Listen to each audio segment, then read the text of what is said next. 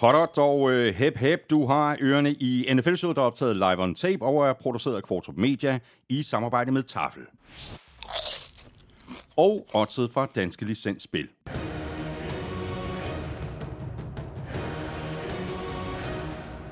Husk, at man skal være minimum 18 år og spille med omtanke.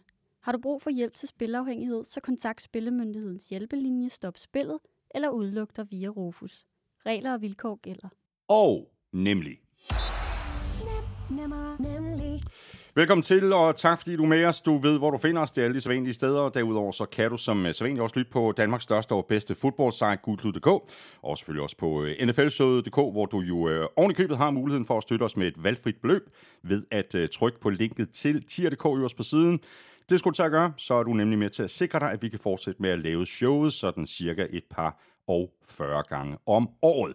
I dag der tager vi et øh, kig på øh, slutspilsbilledet, der nu er på plads. Vi går selvfølgelig også øh, alle kampene fra uge 18 igennem. Og når vi er sådan nogenlunde halvvejs, så trækker vi vanen tro lod om en kasse med taffelchips i ugens spiller, og bagefter der finder vi en øh, vinder af et gavekort på 500 kroner til Fanzone, og det gør vi blandt alle, der støtter os på tier.dk. Til sidste udsendelsen har vi så lige endnu en øh, lodtrækning, og det har vi i øh, det bedste af det bedste, men nemlig, hvor vi trækker lod om et gavekort på hele 1000 kroner til nemlig .com. Jeg hedder Thomas Kvartrup, og her kommer min medvært. Go, Packers, go and get on. Og det er faktisk ikke øh, personligt øh, ment det her, men øh, så lykkedes det lige for Packers at komme fra baghjul, sikre sig en plads i slutspillet. Det forsøgte de jo også sidste år. Der kiksede det lige på målstregen. Og jeg vil da sige det på den måde, det var ikke skide overbevisende imod Chicago Bears. Men de gjorde det, der skulle til, og øh, forsvaret dominerede, og det betød, at Packers kom i slutspillet, og det er ganske imponerende til at betragte den start, de har fået, og jeg vil da sige, at det er da ikke et, øh, et helt ueffent hold, der kommer ind i playoffs her. Så de skal smutte til, øh, til Dallas. Ja, det er noget af en opgave, ikke? Ja, ja, og det er jo, det er jo Mike McCarthy Bowl jo. Det er ikke rigtigt. Altså, du er med, med Mike McCarthy, der jo ja, tidligere ja. var, var head coach for, for Packers, og skal man være lidt kritisk, måske kun fik én Super Bowl, mens han havde øh, Aaron Rodgers at lege med. Uh, nu er han så i Dallas, og uh, kan altså være ham, der, der ligesom slår Packers ud af slutspillet.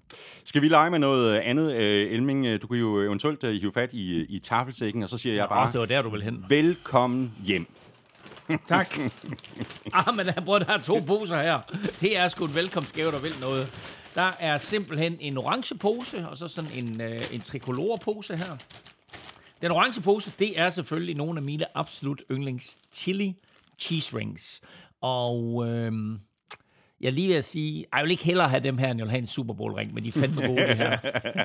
og den anden naturligvis NFL showet klassikeren over dem alle sammen, Chili Freaking Banase.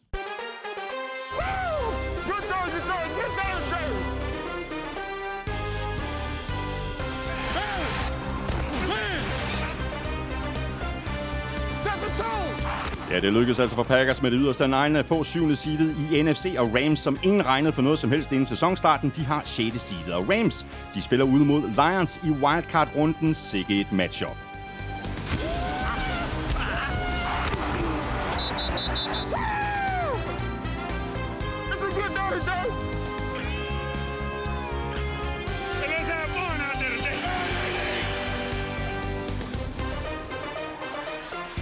Ravens sidder over i wildcard-runden i AFC, hvor Texans har overrasket alt og alle, og med CJ Stroud i spidsen og med Demico Ryans på sidelinjen, har sikret sig AFC South.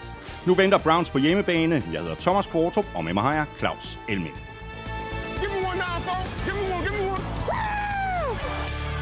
Ja, så var det jo ellers øh, Black Monday i går, og der er rullet et øh, par hoveder. Det kan vi lige tale videre om øh, lige om lidt. Allerførste Elming, nu er grundspillet slut. U18 var sådan lidt en øh, blandet pose bold, så kan man vist sige. Men sådan er det jo, når der er nogen hold, der ikke øh, rigtig havde noget at spille for, øh, og hvor det, der i virkeligheden stod øverst på, på dagsordenen, det var at undgå skader.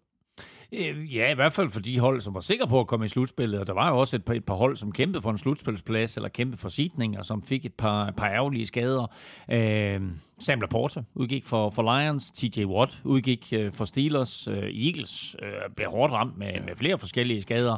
Øh, men ellers så det der, det, der står tilbage, øh, synes jeg her efter 18. spillerunde, det er, at vi har haft et helt igennem forrygende grundspil, mm. hvor der var rigtig, rigtig mange ting, som traditionen tro var fuldstændig uforudsigelige. Mm.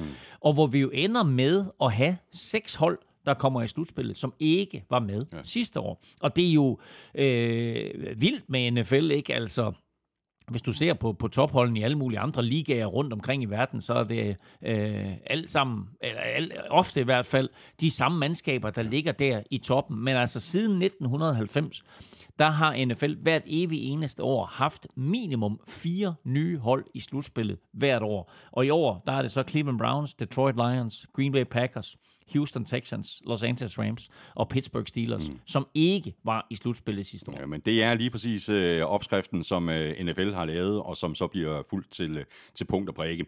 Øh, så er slutspillet altså på plads. Øh, skal vi lige løbe det lynhurtigt igennem? Altså, vi kommer også ind på, på det undervejs i udsendelsen, også i forbindelse med, med matchupsen i, øh, i wildcard-runden. I AFC, der sidder Ravens over på øh, første seedet. Bills har andet seed og møder Steelers med syvende seed. Chiefs har tredje seed og spiller mod Dolphins, der har 6. seedet, og så har Texans altså 4. seedet, og de spiller hjemme mod Browns, der sluttede på 5. seedet. Ja, altså øh, en, øh, en, en vild afslutning selvfølgelig på AFC, fordi Jaguars jo går hen og taber. Og øh, det betyder jo så også, at, at både Steelers og Bills øh, var i slutspillet. Steelers gjorde øh, jeg vil ikke kalde det kort proces, men, øh, men de vandt øh, i en af de første kampe der lørdag øh, over Ravens, og det betød jo så, at, at øh, de jo kunne øh, løbe jublende rundt i, i stuerne derhjemme i, i, i Pittsburgh om søndagen, fordi Jaguars jo gik hen og tabte til, øh, til Tennessee. Uh, så det bliver et, et, et meget, meget interessant uh, slutspil, der er et par fede storylines også, ikke? Altså Houston mod Cleveland, det er det Deshaun Watson Bowl, mm. ikke? Altså Houston, der trader Deshaun Watson til Cleveland, og nu bliver det så Joe Flacco, der starter for Cleveland. yeah. uh, Chiefs mod Dolphins. Hey, uh, Tyreek Hill tilbage mm. til Kansas City. Så det uh, bliver også, uh, bliver også sjovt, ikke? Uh, og så Buffalo Bills mod Pittsburgh Steelers. Jeg nævnte det faktisk i sidste uge, ikke? Mason Rudolph draftet uh, nummer tre, uh, eller, eller ikke nummer tre, men i tredje runde i uh, samme draft, som Josh Allen blev taget 8. Så er vi øh, i øh, NFC, øh, der sidder 49ers over på første seed. Cowboys, de har andet seed, møder Packers, der har øh, syvende seed. Lions sluttede med tredje seed, og de spiller mod øh, Rams, der har 6. seedet, og Buccaneers, de fik øh, 4. seedet, og møder altså Eagles, der har 5. seedet. Og nu nævnte du lige de her fede øh, storylines, og de der manuskriptforfattere inde, øh, inde i NFL, de kan altså det her, fordi det her matchup ikke, mm. mellem Goff og Stafford. Ja, ja.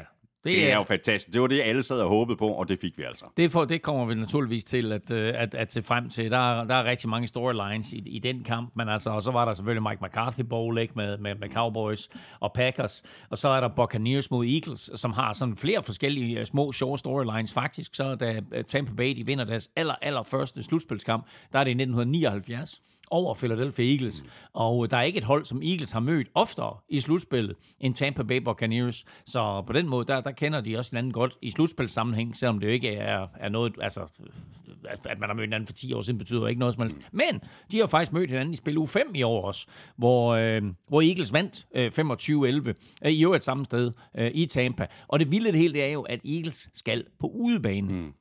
For jamen, for en måned siden, der, sad, der sad jeg og sagde her, jamen altså, de bliver mindst anden seed. Ikke? Øh, nu er de femte seed, femte seed ja. og de er øh, de skal på udebane. Og det betyder også, at NFC East-divisionen ikke har haft den samme vinder nu 19 år i træk. Ikke? Altså, det er, det er rimelig imponerende, at de kan blive ved med hele tiden at rotere divisionsvinder der i NFC East. Så har vi så øh, en af de øh, faste traditioner, når grundspillet det er slut. Øh, det er Black Monday, hvor de trænere, der ikke sådan lige har levet op til forventningerne, de får sparket. Tre trænere blev fyret allerede i løbet af sæsonen. Raiders fyrede Josh McDaniels, Panthers Frank Reich og Chargers Brandon Staley. Og nu har Falcons så øh, sagt øh, farvel og tak til Arthur Smith efter tre sæsoner, mm. og øh, Commanders har fyret Ron Rivera, og han fik fire sæsoner. Ja, uh, Arthur Smith Arthur Smith øh, kom fra Smash Mouse Football øh, og kom til Atlanta Falcons, og øh, det blev aldrig helt godt. Tre sæsoner, alle sammen med, med 7 og 10. Øh, og øh, store udfordringer på quarterback, øh, andre udfordringer. De øh, ender med at tabe de to sidste kampe med, med, med, med over 40 point til sammen, og øh, de var jo 6 og 6, så de havde jo alle muligheder ja. for at, og, og, at spille med om, om, om slutspillet, men, men øh, det endte altså med at blive en, en katastrofal afslutning, og det endte så også med, at, at han blev fyret klokken 1 minut over øh, midnat af ejer Arthur Blank. Øh, og øh, det vil sige, at Arthur Blank fyrede Arthur Smith, øh, så man kan lidt kalde det Blank Monday. øh, med hensyn til øh, Ron Rivera, så blev han ikke fyret søndag, fordi han havde fødselsdag. Så der var Washington trods alt øh, så menneskelige, at de ventede lige til mandag med at smide den der fyrsel ind under døren. Havde du en god fødselsdag i går? Ja, det havde jeg, tak. Her er vores gave til dig. Her er vores gave til dig. Uh, og uh, han havde fire sæsoner kom faktisk i slutspillet det allerførste år, uh, hvor han var head coach for, for, for Washington med 8 og 9, mener jeg. Så altså, det var ikke engang sådan, så de havde en winning season der. Og så slutter de ellers 3 og 4 og 4. Og sæsonen i år, ikke? De vinder de første to kampe. De slår, hvem er det? Det er Cardinals, og hvem er den anden, de slår? Jeg kan ikke huske, hvem den anden, det, det tror jeg, det er Denver. De slår i de første to spilleuger. Derfra, der taber de 13 ud af 15 kampe. Ja, det er godt, var. Inklusiv er det 10 ud af de sidste 11. Mm. Så øh, det var, øh, det var en ærgerlig afslutning for Ron Rivera. Jeg tror, han var den rigtige mand på det tidspunkt, han kom ind på. Der var brug for noget stabilitet, og der var brug for en voksen. Øh, i og det der, der var kaos i, i, på i det, det tidspunkt. Der Daniel Snyder galehus. Ja. Øhm, nu er der kommet en ny ejer ind. de har fyret Ron Rivera, de fyrer med stor sandsynlighed også deres general manager. Øh, de har højt draft pick, så der er re- total reboot i Washington. Det er der. Så kan vi lige runde øh, Pro Bowl, eller ikke Pro Bowl øh, som sådan. Den bliver jo øh, heldigvis ikke spillet længere, men spillerne bliver stadig udtaget, og, og listen over øh, spillere, der er udtaget til Pro Bowl, den er jo blevet offentliggjort. hvad er dit overordnede take på det, Elming? Altså, det er jo altid nemt at finde spillere, som man synes er blevet snydt og, og burde have været udtaget. Ja, og, og det er faktisk dem, som jeg vil fremhæve, fordi altså, hvem der er inde, altså, det, er, det, er, det er et virvar af, af spillere, hvor der selvfølgelig er nogen, der fortjener det, og så er der andre, som, som hvor man sådan lidt hovedryster tænker, altså okay, hvorfor er du helt præcis kommet i øh, Pro Bowl, og hvorfor er der nogle andre spillere, som ikke er kommet i Pro Bowl i stedet for dig. Og der vil jeg sige, altså, ja, vi er alle sammen enige om, at øh, Patrick Mahomes er et unikum, men han burde ikke være i Pro Bowl. Og Josh Allen, som måske startede sæsonen lidt langsomt, har været vanvittig god og har båret øh, Buffalo Bills på sine skuldre øh, i de sidste halvanden måned. Øh, så jeg synes helt klart, at han skulle have været i. Øh, en anden, som øh, er blevet snydt, er Antoine Winfield Jr., øh, som jo er, er blandt ligaens aller, allerbedste safeties. Øh, Legarius det, det forsøgte vi så ret lidt op på ved at nominere ham til ugens spiller. Det ikke? gjorde vi nemlig, præcis. Det plaster på såret. Ja, lige nøjagtigt. Øh, han har ringet til mig også, ja. Antoine Winfield Jr. Ja. Og sagde, at han ville lytte med i dag. Thank han er glad for det. Thank you, Claus, sagde han. øhm, Jared Sneed øh, skrev jeg også om ind på god Klud. Øh, cornerback for Chiefs, synes jeg er blevet snydt. Øh, Derek Brown er defensive tackle. Han spiller for Carolina Panthers, og når man vinder to kampe, så er det sjældent, der er ret meget fokus på ens hold. Men Derek Brown har bare sat et hav af rekorder for defensive tackles i år, og er et monster. Og jeg kan huske, at jeg var vild med, med ham, da han kom ud af college, og Panthers draftede ham med pick 7, mener jeg. Øh, og han har bare været god siden. Øh, og i år har han været rigtig, rigtig solid, øh, og, og burde måske nok have fået en, en, en Pro Bowl-plads. Og så den sidste lille fremhæve her. Linebacker Quincy Williams fra New York Jets. Hans bror Quinnen elsker vi, er manden øh, Han kom i Pro Bowl, og det kunne bare være fedt, hvis brødrene, der de lige havde fået en, ja. en chance for at komme Pro Bowl, ligesom med Kelsey-brødrene. Mm. Så kan vi lige uh, runde den her del af med uh, college-finalen. Den blev spillet i, i nat dansk tid. Nu er Michigan og Jim Harbaugh mestre og det er de efter, de slog øh, Washington med øh, 34-13. Ja, og, og resultatet øh, vidner om dominans, men det var faktisk lidt tættere end 34-13, om end at øh, Michigan de lynhurtigt kom foran med, jeg tror det 17-3, øh, og det øh, lignede et blowout, men så kommer Washington tilbage, de har øh, den her quarterback Michael Penix øh, Jr., som, øh, som også var øh, nomineret til årets Heisman. Øh, og han fører sit hold tilbage, men det hele det ender så med, at, at han kommer til at kaste en interception, som, øh, som fører til et, øh, et, et, et øh, Miami, et Miami, et Michigan touchdown. Og, øh, og dermed så vinder Jim Harbaugh, som er head coach for Michigan Wolverines, så vinder han øh, det her college-mesterskab, som han lovede Michigan, at han ville give dem, da han kom ind for, jeg tror det er ni år siden. Og nu er det så, at øh, han måske kan sige, at det her det var den perfekte afslutning. Nu skal jeg tilbage til NFL. Nu skal jeg tilbage til NFL. Og Chargers er i spil. Uh, Washington skulle angiveligt være i spil, og så hørte jeg et vildt rygte om, at Chicago Bears har lagt billet ind på wow. ham. Uh, så det betyder sådan lidt, du ved, at, at der lige pludselig bliver skabt tvivl om, om Matt Eberflus' fremtid i, uh, i, uh, i NFL, og i hvert fald i Chicago. Uh, og så kan man jo så til syvende og sidst sige, nu vandt Jim Harbaugh college-mesterskabet, så er det op til John Harbaugh at vinde NFL-mesterskabet.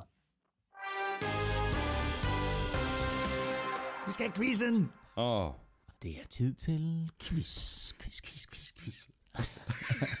Og som jeg øh, forstår det på øh, Jim og John, så har de altid været øh, konkurrencemennesker. De har øh, simpelthen kæmpet imod hinanden hele livet, når de spillede ja basket, når de spillede øh, football, anything simpelthen. Ja, og, altså, og jeg har det på samme måde med min bror, ikke? fordi øh, vi har nyt de gange, hvor det sådan, at vi faktisk har fået lov til at være på hold sammen, enten som spillere sammen, eller øh, hvor jeg måske øh, i, i nogle år var træner for Jesper, men vi har jo faktisk også stået på hver sin sidelinje over for hinanden, øh, og jeg har også været træner øh, for det modsatte hold af, hvor han har spillet. Øh, så der er altså... Og så er der virkelig noget på spil, så, er, så, er der, så er der krig, ikke? Altså, der er ingen, der er ingen kære mor der, og så snart kampen så overstået, så er, man, så er man de bedste venner. Men de mødtes jo tilbage i Super Bowl 47, øh, den der famøse Super Bowl, hvor strømmen gik i, øh, i New Orleans, men, øh, og hvor Ravens jo trak sig mm. sejrsrigt ud, og Fort Niners måske, måske ikke blev snydt for et touchdown til sidst. Det er det. Nu skal vi quizze, Elming. Øh, hvad har du fundet øh, til mig? Jamen, du var jo så, øh, så venlig sidste uge og kom med en god handel til mig øhm, ja. i quizzen. Så i den her uge, der har jeg to gode handler til dig. Ja. Og den første handel, det er Montez Sweat fra Washington til Chicago. Og den anden, det er Leonard Williams fra Giants til Seahawks. Ja. De blev begge to traded i løbet af sæsonen, og de blev begge to historiske søndag. Hvordan? Montez Sweat og... Leonard Williams kom fra Giants til Seahawks. Og de blev begge to historiske ja. i weekenden. ja. Det er sådan en rigtig Elming-quiz, ikke også? Nej. Nej, det er det ikke. Det er bare, det er bare stats. Det er stats. det er stats. Det er stats. I have no idea. Nej. Can't do it. Nej, det kan jeg ikke. Ved du hvad, der er lidt at vælge imellem her øh, fra Jakob Question Mark Hansen. Der er to at vælge imellem. Okay. Den ene, den hedder Den gamle garde kan endnu, og så skriver han i parentes, og nej, det handler ikke om Elmings afterski i Østrig. Og så er der den anden quiz, den hedder All Hail the King. Åh oh, ja, godt. Ja, men den sidste handler selvfølgelig om Derrick Henry. Um, jeg har lidt stats på ham senere i udsendelsen, så uh, jeg tager den første. Du tager uh, den gamle garde. Yes. Adam Thielen er kommet i fornemt selskab. Han er nemlig blevet en del af en eksklusiv klub af wide receiver, der har grebet 100 bolde eller flere i en sæson, efter at de har rundet 33. Det har fem andre spillere præsteret før ham. Kan du nævne de fem? Nej. jo, du kan. Du kan i hvert fald okay. komme med nogle bud. Ja, ja. Nå, ja jeg, jeg, jeg tror, jeg kan en. Nej, det kan du godt. Ej, lige okay, tænkt to, om. to måske. Ja, to måske. Godt. Men der er fem. Det er okay. godt. Nå, godt. Vi wow, vender tilbage okay. til det senere. Tak. Nu går vi i uh, kampene, og vi har valgt at dele dem op i uh, AFC og NFC, og vi tager uh, AFC nu, og så napper vi uh, NFC på den anden side af ugens spiller. Vi lægger ud med de kampe, der havde sådan uh, mindst betydning for slutspillet, og vi begynder med Bengals Browns, og det var jo uh, lige præcis en af de der kampe, hvor uh, ingen af holdene havde noget at spille for. Bengals, de kunne ikke nå noget, og Browns, de var sikre på uh, slutspil. Uh, alligevel så skød vi jo begge to på, på Browns i sidste uge, da vi lavede vores picks. Øh, det var øh, ret tydeligt så, at øh, Browns de havde et overordnet mål for den her kamp, og det var at slippe igennem uden alvorlige skader. Øh, det her det blev så øh, endestationen for en, en skuffende sæson for Bengals, og Browns er altså videre. Og rent øh, historisk så var det faktisk øh, ret interessant, at Bengals vandt den her kamp. Ja, og det er nemlig en god pointe, det der, fordi det betyder, at alle fire klubber i AFC North slutter med flere sejre end nederlag, og det er ikke sket siden 1935. Uh, og det var i den såkaldte uh, øh, NFL Western Division, som jo for længst er nedlagt, men hvor blandt andet jo Chicago Cardinals mm-hmm. befandt sig, ikke? som jo så siden har været omkring St. Louis og, og nu er i Arizona. Uh, men det er også lidt vildt, uh, at Bengals slutter 9 og 8, og at det er Jake Browning, der vinder fem kampe og taber fire, og Joe Burrow ender 4 og 4. Og så er det nemt at være bagklog, men hvad kunne det ikke være blevet til, hvis Bengals nu havde behandlet Joe Burrows skade mm. omvendt? At de har sagt, fint, vi ved, vi har Jake Browning, lad os starte ham i sæsonens kampe, lad Joe Burrows ankel, øh, den der lægskade, der han havde, lad den komme sig. er vi 2 og 2, eller er vi 1 og 3, eller whatever. Fint nok. I stedet for at sende ham på banen på, på, på et ben, ikke? Og så ender han, jo, han er på et ben, og det går af helvede til, til at starte med, og så da han endelig kommer, kommer sig 100%, så er han jo faktisk rigtig, rigtig god, og så ender han så med at blive skadet igen, og så er det Jake Browning, han kommer ind. Øhm, men faktum er, at øh, Bengals er ude. Det kunne have været en anderledes sæson. De har haft et svært kampprogram. De ender 9 8. Det er rimelig imponerende alligevel. Øh, de er ude. Og at Browns, som du skitserer, jo ikke har en officiel oversæder i slutspillet, men de får en fri uge her, som øh, er rigtig god for dem, og hvor de sparede alle de største stjerner. Bengals, øh, de sluttede altså øh, sæsonen 9 og 8. De har pick nummer 18 i draften. Browns, de sluttede øh, 11 og 6, og de øh, spiller ude mod Texans i wildcard-runden. Så går vi videre til øh, Raiders Broncos, en kamp mellem øh, to mandskaber, der på øh, hver deres måde længes ud til at have en chance for at komme med i slutspillet, men hvor der altså for begge hold mislykkes til, til sidst. Broncos de foretog jo deres skifte på head coach sidste år. Nu må vi så se, hvad der sker på quarterback. Og i Las Vegas, der skal de jo nu til at træffe nogle hårde beslutninger i forhold til, hvad de stiller op på netop quarterback og på head coach her i, i offseason. Raiders vandt opgøret med 27-14, og det er jo ikke for at tale hverken kampen eller de to hold ned, men her var der vel øh, nærmest kun ære, og på sådan lidt omvendt vis også draftposition at kæmpe om.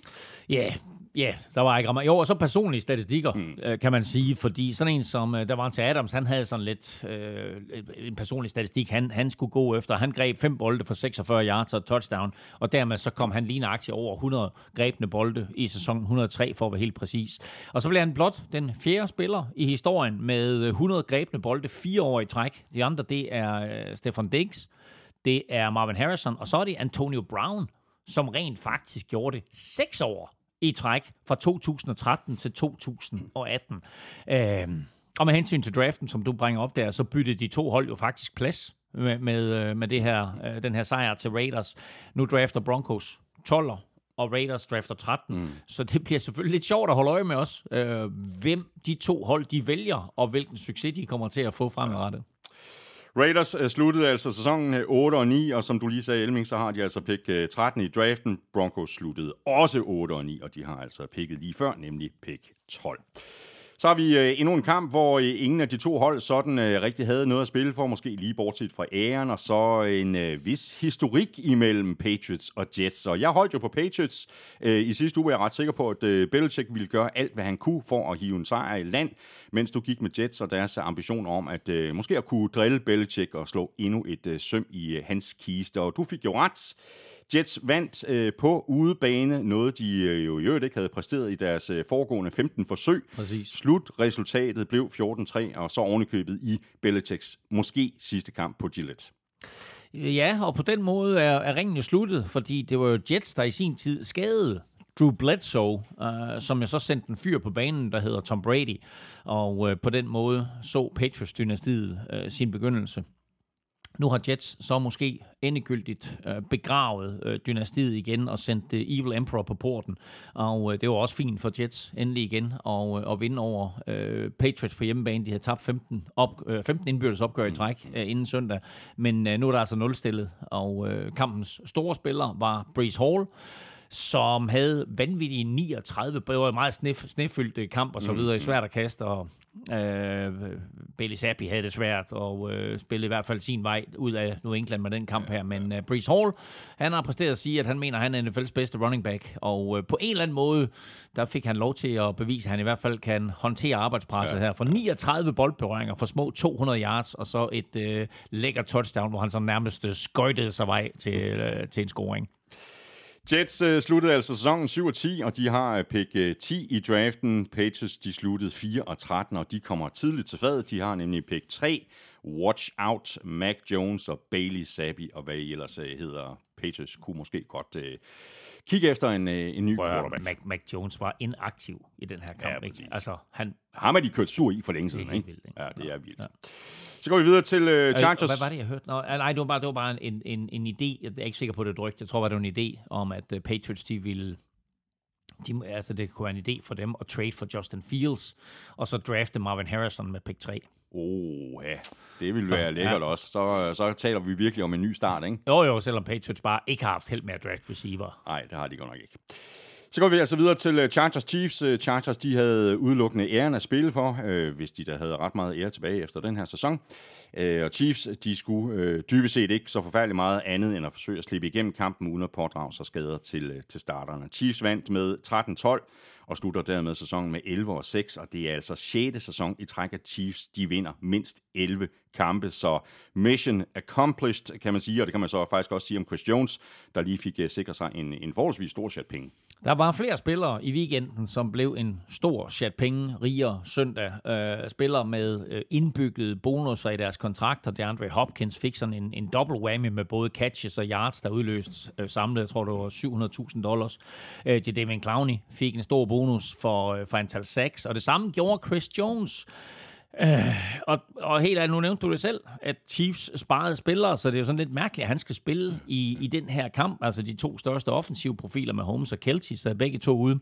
Så hvorfor sparede klubben ikke også Chris Jones? Men uh, han havde nok... Måske har han selv uh, rakt hånden Han har helt sikkert rakt hånden op. Og så jeg vil gerne ind og spille. Jeg nægter at lade mig bænke, uh, fordi jeg har en bonus, og i ordets bogstavelige forstand, så gav det bonus, fordi uh, han fik det halve sack, han manglede. Han fik en enkelt sack, og dermed så kom han op over 10 sacks i sæsonen, og det udløste altså ikke mindre end 1,25 millioner dollars, eller sådan lige under 9 millioner kroner. Det er også, æm, det er også værd at tage med, ikke? Jo, og det fejrer han så som om, at, øh, at, at han og holdkammeraterne der, de havde, de havde vundet Super Bowl, men uh, kunne han da ikke bare have lavet være med at lave den der holdout i starten af sæsonen og så videre, fordi det, var, det er lige ved, at de, den her bonus her, den bringer ham op på det øh, antal dollars, han ville have fået oprindeligt, så det ved jeg ikke, det var sådan lidt mærkeligt. Men altså 9 millioner kroner er også værd at tage med.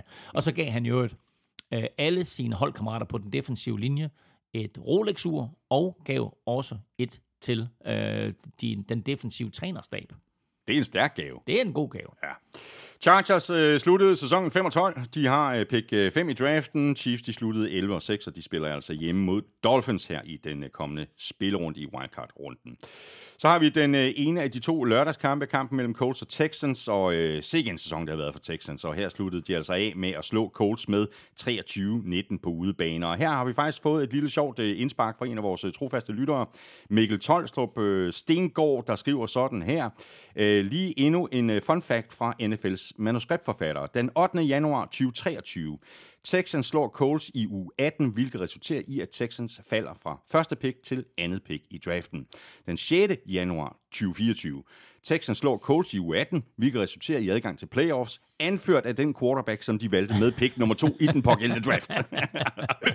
ja, og det, og det er fantastisk, ikke? Jo, og, og tænk så, hvis, hvis de ikke vinder der sidste år i, i sidste spillerunde, ikke? Altså, så, og, og, hvis de ikke vinder der sidste år, så har de pick et. Tager de så Bryce Young, eller tager de CJ Stroud? Ikke? We will never know. We'll never know. Um, no. Og, og, og, og øh, Mikkel har selvfølgelig ret. Der skulle så også lige et, et Jaguars nederlag til i, til... i, i den her ligning. Og nej, kom... nej, fordi med sejren, der vinder de jo. Der kommer de jo slutspillet. Uanset det er om Jaguars taber. Det, det er fuldstændig korrekt. Ja.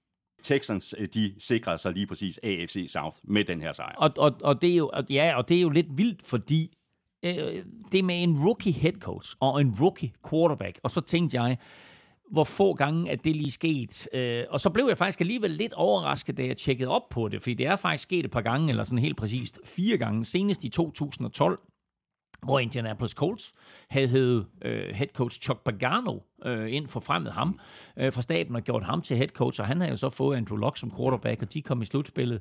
Øh, New York Jets i 2009 med øh, Rex Ryan, og så selvfølgelig øh, uh, bot fumble Mark Sanchez. er det rigtigt? Ja, ja. Øhm, og som jo også slår Patriots i det slutspil der. Altså, de kommer i AFC-finalen det år, øh, hvor de så taber til Boah, det kan jeg ikke huske. Øhm, jeg kan slet ikke huske, at de havde så meget succes lige en jo, overgang. Øhm, jo, det, det år. jo, men det havde de deres første år. Øhm, så øh, faktisk også, øh, eller så var der to hold i 2008. Det var Atlanta Falcons med head coach Mike Smith, og så Matt Ryan. Og Baltimore Ravens med head coach John Harbaugh og, tada, Joe freaking Flacco. uh, men nu står uh, Demico Ryans og CJ Stroud uh, altså samme sted, og er en af blot fem head coach uh, quarterback rookie duoer, der har gjort det her. Meget imponerende. Ja. Og, det, og det gjorde det jo ikke mindst på, at CJ Stroud var god, og hans connection med ja. Nico Collins ja, ja. var fantastisk. Ni catches, 195 yards, touchdown. Og Texans blev det første hold i år, der scorede et touchdown på deres allerførste offensiv spil. CJ Stroud, bum, dybt, dybt, bum, bum, bum, bum, bum, bum, bombe til, øh, til Nico Collins, 75 yards touchdown. Crazy. Øh, I forhold til øh, Colts, så blev det altså vi lige ved næsten for dem. Øh, de sluttede sæsonen 9 og 8, og altså lige på den forkerte side af slutspillet. Jeg tror faktisk, når de får, får sundet sig, at, at de vil se tilbage og, og være godt tilfredse med den her sæson. Altså ærgerligt selvfølgelig, at Anthony Richardson han blev skadet. Jeg synes, de har gjort, hvad de kunne undervejs, øh, og, og, og hvem husker efterhånden alt balladen om Jonathan Taylor og hans kontrakt inden sæsonstarten, mm, mm. Øh, sådan som han har spillet i, i, i store dele af den her sæson. Også i søndags, øh, og, og et af de spørgsmål, der, der står tilbage efter den her kamp, det er, hvorfor løb de ikke bare bolden på den fjerde down? Jamen, det er så vildt, og det er et spørgsmål, de kommer til at stille sig selv på samme måde, som Seahawks har stillet sig selv det spørgsmål siden Super Bowl 49.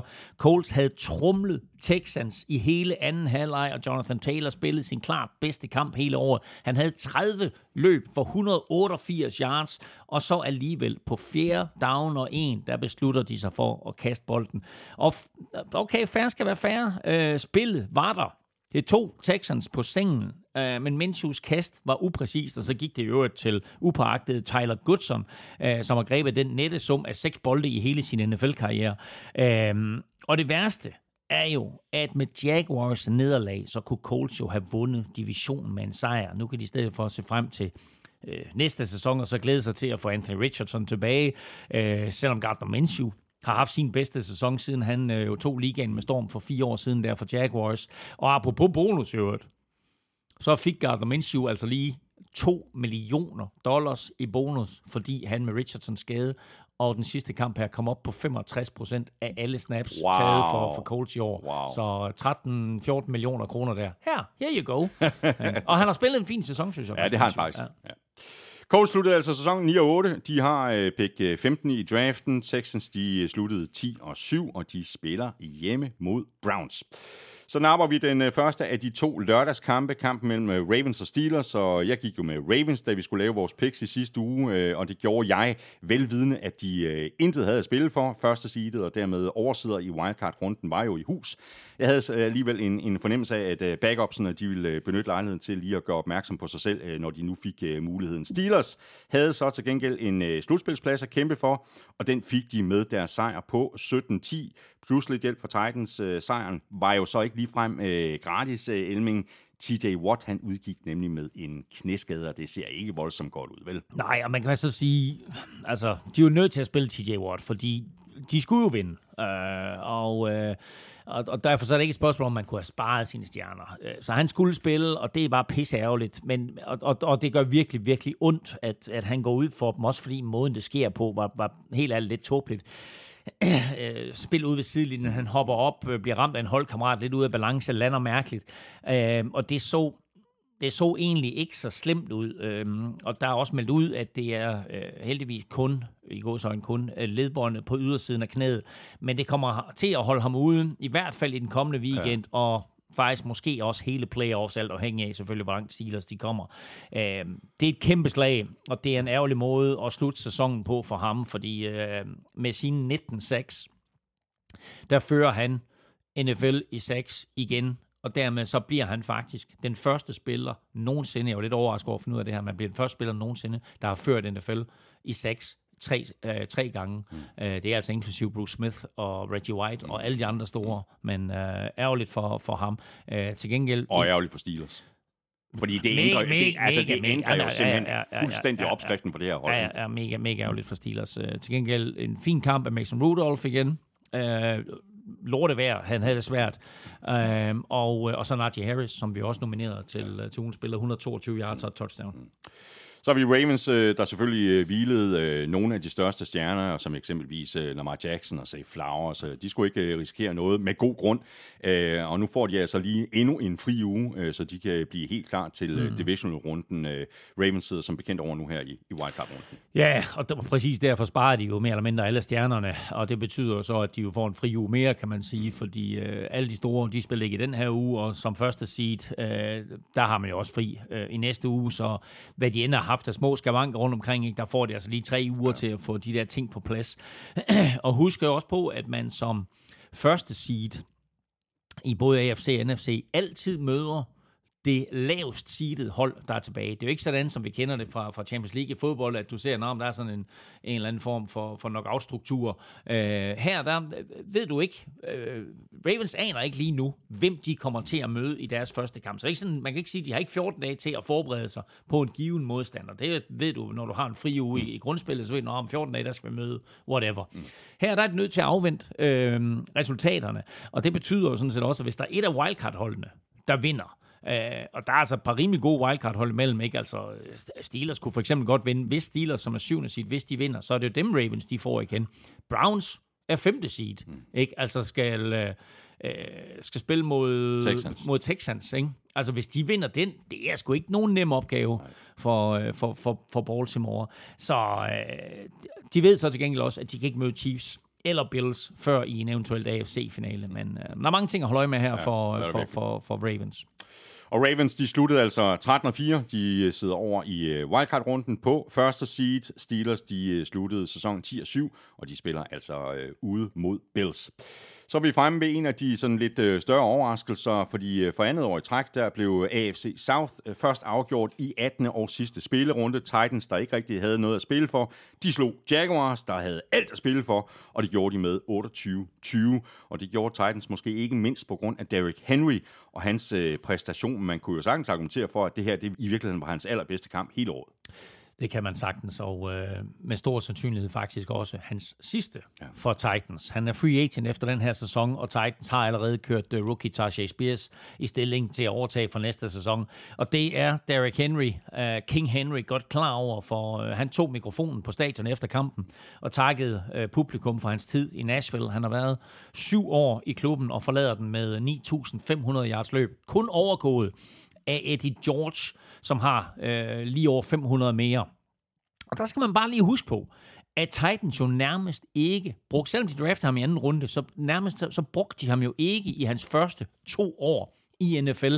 Han var en lidt aparte type i forhold til, hvad man normalt havde øh, på running back. Man havde jo været sindssygt øh, effektiv i college, men kommer ind her, og den der størrelse, han har, og du ved, og så det der med, med at han mange gange hvor han får minus yards og sådan lidt, det passede bare ikke ind til Mike Rabel kommer ind som head coach, og så sagde, vi har altså en unik spiller her, der kan noget helt andet end alle andre. Og fra det punkt af, der, øh, der, der, der gik det lidt amok med, med Derrick Henry. Og så kigger jeg på 2023. Jeg var lidt overrasket over at se, at han kom i Pro Bowl for det første. Og så tænker jeg, har han ikke været sådan lidt anonym her i 2023? Han har altså små 1400 yards og 12 touchdowns. Og det er ret så. imponerende, fordi der var faktisk en periode midt på sæsonen, hvor de nærmest ikke uh, løb ham. Ja, altså, ja, de nærmest ikke brugte ja, ham, ikke? Ja, så det, det, det er ganske imponerende. Ja. Uh, men en, en uh, unik spiller. Uh, og som sin sidste hilsen til AFC South, hvor han jo befundet sig hele karrieren, så sender han altså lige Jaguars ud af playoffs, inden det overhovedet begyndte. Ja. Og når øh, ting går galt, øh, så kan man jo enten vælge at øh, skyde skylden på andre, eller også øh, kan man se sig selv i spejlet og sige, hey, måske skulle vi lade være med at, at fomble helt lige så meget næste gang, og måske skulle vi prøve at øh, konvertere lidt øh, mere effektivt på fjerde down, og måske skulle vi bare blive lidt bedre til at stoppe løbet, også selvom det er Derrick Henry, der løber bolden. Pointen her er, at den øh, sidste halvdel af Jaguars sæson, mildt sagt, ikke er gået helt lige så snorlige som den første halvdel af sæsonen. Og nu står øh, Trevor Lawrence øh, og company altså med, med skægget i postkassen på den forkerte side af kridtstregen, uden for slutspillet. Mm. Det her, det må bare være en kæmpe skuffelse ja, for Jaguars. Selvfølgelig, selvfølgelig er det det. Altså for en måned siden, der var de jo nærmest stensikre vinder af AFC South, men øh, flere forskellige faktorer gør, at de ikke når det for jættet land. Uh, Christian Kirks skade har vi været omkring. Uh, de flyttede faktisk med at få ham tilbage til i søndags, men, men de nåede det altså ikke.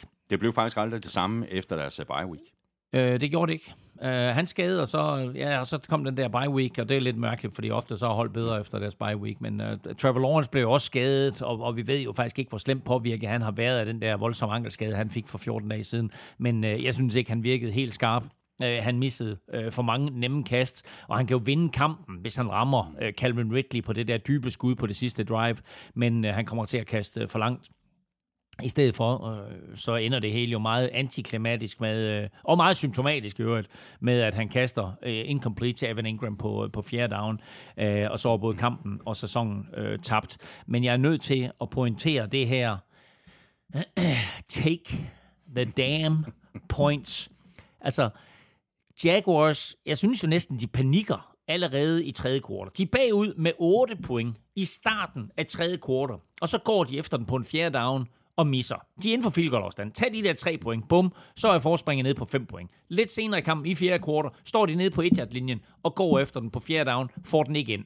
Det er igen tre minuspoint. Havde de scoret der, så havde de været nede med to. Så kunne de i princippet have nøjes med et field goal til sidst for at vinde. Men de er kunnet døde med tvunget til at score et touchdown. Så altså, lad nu være med at panik der i starten af anden halvleg. Det er fuldstændig åndssvagt. Tag de point, der ligger lige først for. Så altså, jeg ved, folk derude garanteret er røvhammerne træt af at høre det, og du garanteret også. Men jeg siger bare, take the damn points. Altså, helt ærligt, det er dårlig coaching. Det er dårlig coaching af Doc Peterson. Øh, så meget af den her hænger også på ham, synes jeg. Kæmpe skuffelse, og kæmpe overraskelse selvfølgelig. Mm. Jeg skal lige færdig et stykke papir, jeg skal lige notere ned, fordi det er altid dejligt med nye pointer. Altså hvad du siger? Take, Hold nu din kæft og kom videre. Take the damn points. Titans, de sluttede sæsonen 6 og 11. De har pick 7 i draften. Jaguars, de sluttede 9 og 8, og de kommer altså ind i draften på øh, pick 17 så øh, mangler vi kun en øh, enkelt AFC-kamp, og det er kampen mellem øh, Dolphins og Bills, og øh, det var så også grundspillets øh, sidste kamp, Sunday Night-kampen, som Bills endte med at vinde 21-14. Og der var jo i virkeligheden lagt øh, i kakkeloven, det talte vi også om i sidste uge, til en, en drøn spændende kamp, hvor Bills enten kunne ryge ud af slutspillet, eller sikre sig andet side i AFC. Vi jo fuldstændig crazy i sig selv, at der kan være sådan et, mm, et, et ja. stort spænd i, i, den sidste, i den sidste kamp. Ikke?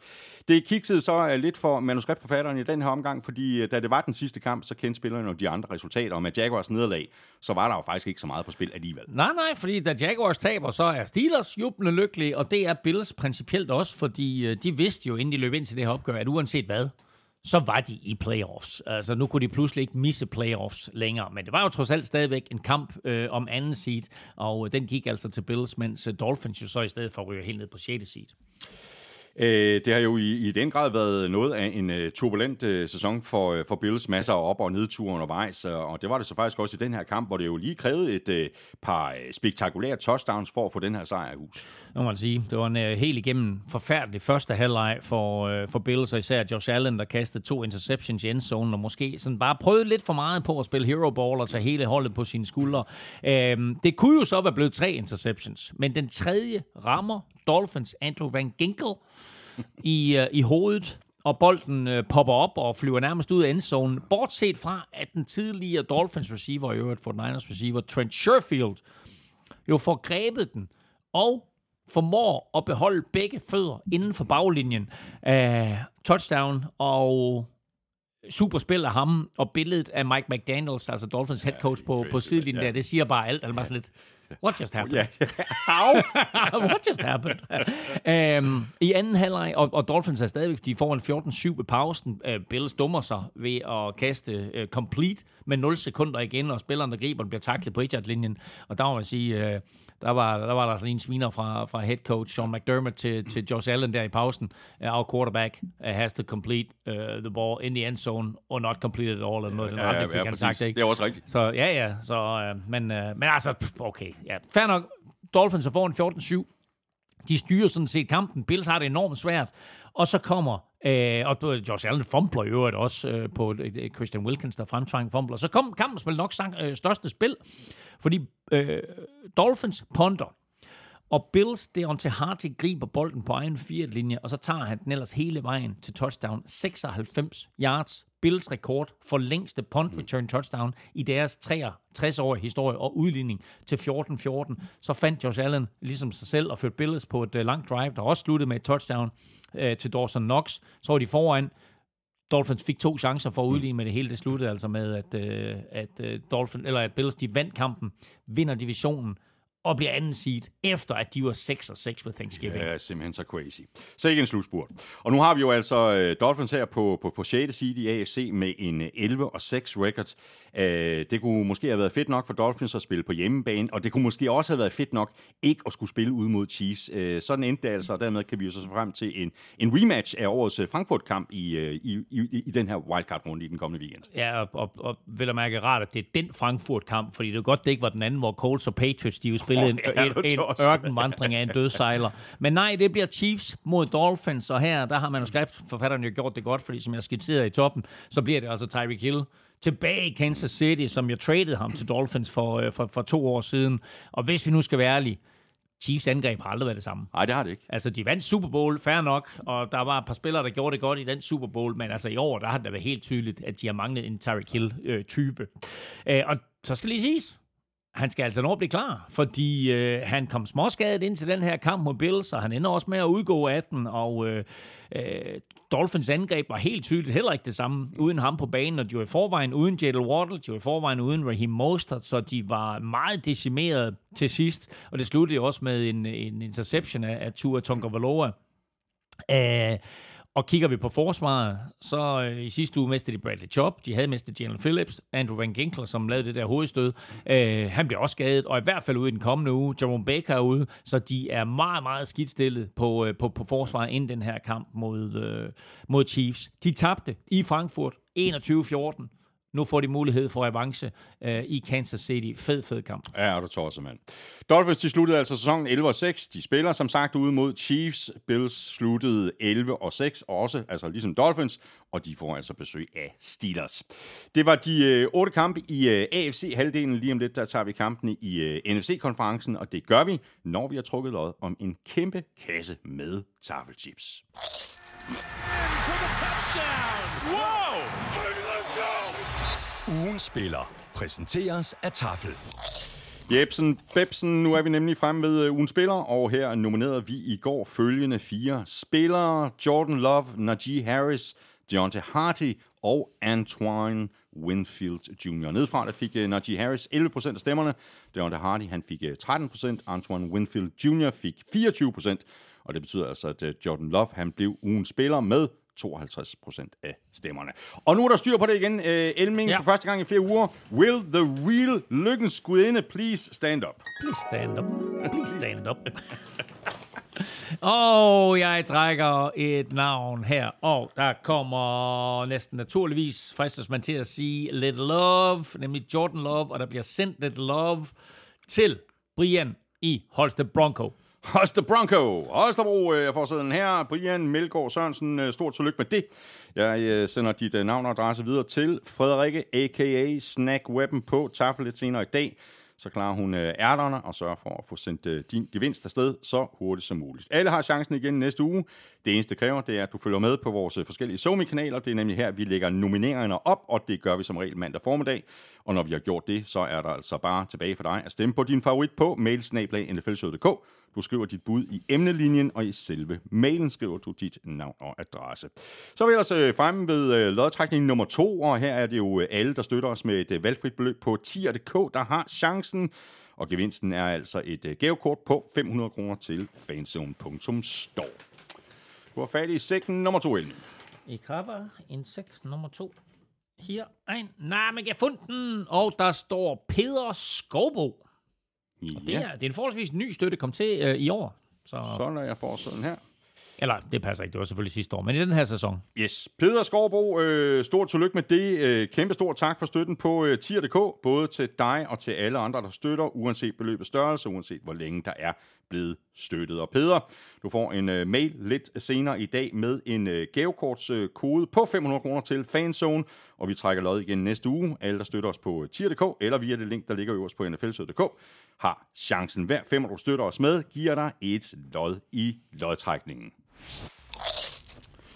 Og så er vi så øh, tilbage i kampene, og ligesom vi gjorde det med øh, AFC, så lægger vi altså ud med de kampe, hvor der ikke var så forfærdeligt meget på spil og det var der lige præcis ikke i kampen mellem øh, 49ers og Rams. Begge hold var jo sikre på slutspil, så det handlede i høj grad om at øh, undgå skader, og så kunne øh, backupsene så få lidt øh, mere spilletid, end de plejer at få. De to running backs for 49ers, Elijah Mitchell og Jordan Mason, gjorde det fint i fraværet af Christian McCaffrey, og begge hold spillede altså uden deres øh, sædvanlige starter på quarterback. I stedet der var det Carson Wentz og Sam Donald, der lige fik lov til at vise sig lidt frem, og det hele det endte altså med en øh, sejr til Rams, der nu skal til øh, Detroit og spille vores allesammens drømmekamp mod Lions. Ja, prøv at tænke, ikke? Det, er, det er et pick 2 og et pick 3 ja. i draften, som, uh, som begge som to backups, der, som, som backups. Men de to, der så skal mødes, er jo begge to pick 1, og det er det, er så fedt, ikke?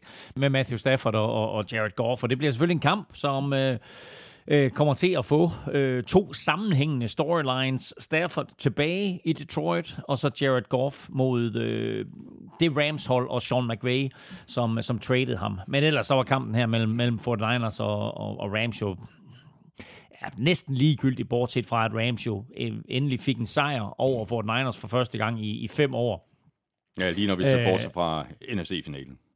I grundspillet har du ret. I, og der slog de 49ers i NFC-finalen. Ja. Ah, ja, Ja, ja, den gjorde naller. Au, au, au, au. Nå, ja. Øhm, og så faktisk også, øh, ja, så var der så det her med, at hvis de vandt, så holdt de fast i 6. seed, hvor med Packers sejr, så øh, havde de tabt, så de blevet 7. seed. Øh, lidt ligegyldigt i den store sammenhæng. Til gengæld, så øh, satte Puka Nakua jo øh, begge de to rekorder, som han havde mulighed for at sætte. Prøv at tænke på, det er en receiver, som Rams de vælger i femte runde af draften. Han slår også rekorden både for flest catches med 105 i sin rookie-sæson. Øh, en mere end Jalen Waddle havde mm. i sin rookie-sæson. Og så også for flest yards med 1486. En rekord, Der skal vi altså som langt er sat tilbage, ikke? af en fyr, der hedder Bill Groman, Ja. tilbage i 1960. Ja. Uh, og altså, man må bare øh, erkende, at det er en, en fuldstændig vanvittig, imponerende rookie-sæson, han har haft, men at han næsten med garanti ikke bliver Rookie of the Year, øh, fordi han er receiver, og CJ Stroud er quarterback. Øh, og CJ Stroud har også haft en, en, en fremragende sæson, og har ført Texans ikke bare til slutspillet, men også til, til divisionstitlen. Øh, men, øh, men Nakua her, øh, sikkert et fund for, for Rams, og også helt tydeligt, hvor vigtig han er for dem, fordi i det øjeblik, han havde sine to rekorder, så sagde McVay, ud, Ud. med ham, Ja, præcis. ikke du ved, og så så han resten af kampen fra sidelinjen. Ja. Og 49ers er jo så i, i nøjagtig samme situation, som Ravens er i AFC. Altså samme antal Præcis. uger, hvor de kan hvile deres øh, starter. Det gjorde de jo så i Ja, den grad også i den her kamp. Og også vigtigt, fordi vi jo faktisk stadigvæk ikke kender status på Christian McCaffrey, efter han jo udgik i sidste uge med en skade. For Niners øh, sluttede øh, 12 og 5. De sidder altså over her i wildcard-runden på første seedet i NFC. Rams de sluttede 10 og 7, og de spiller altså ude mod Lions.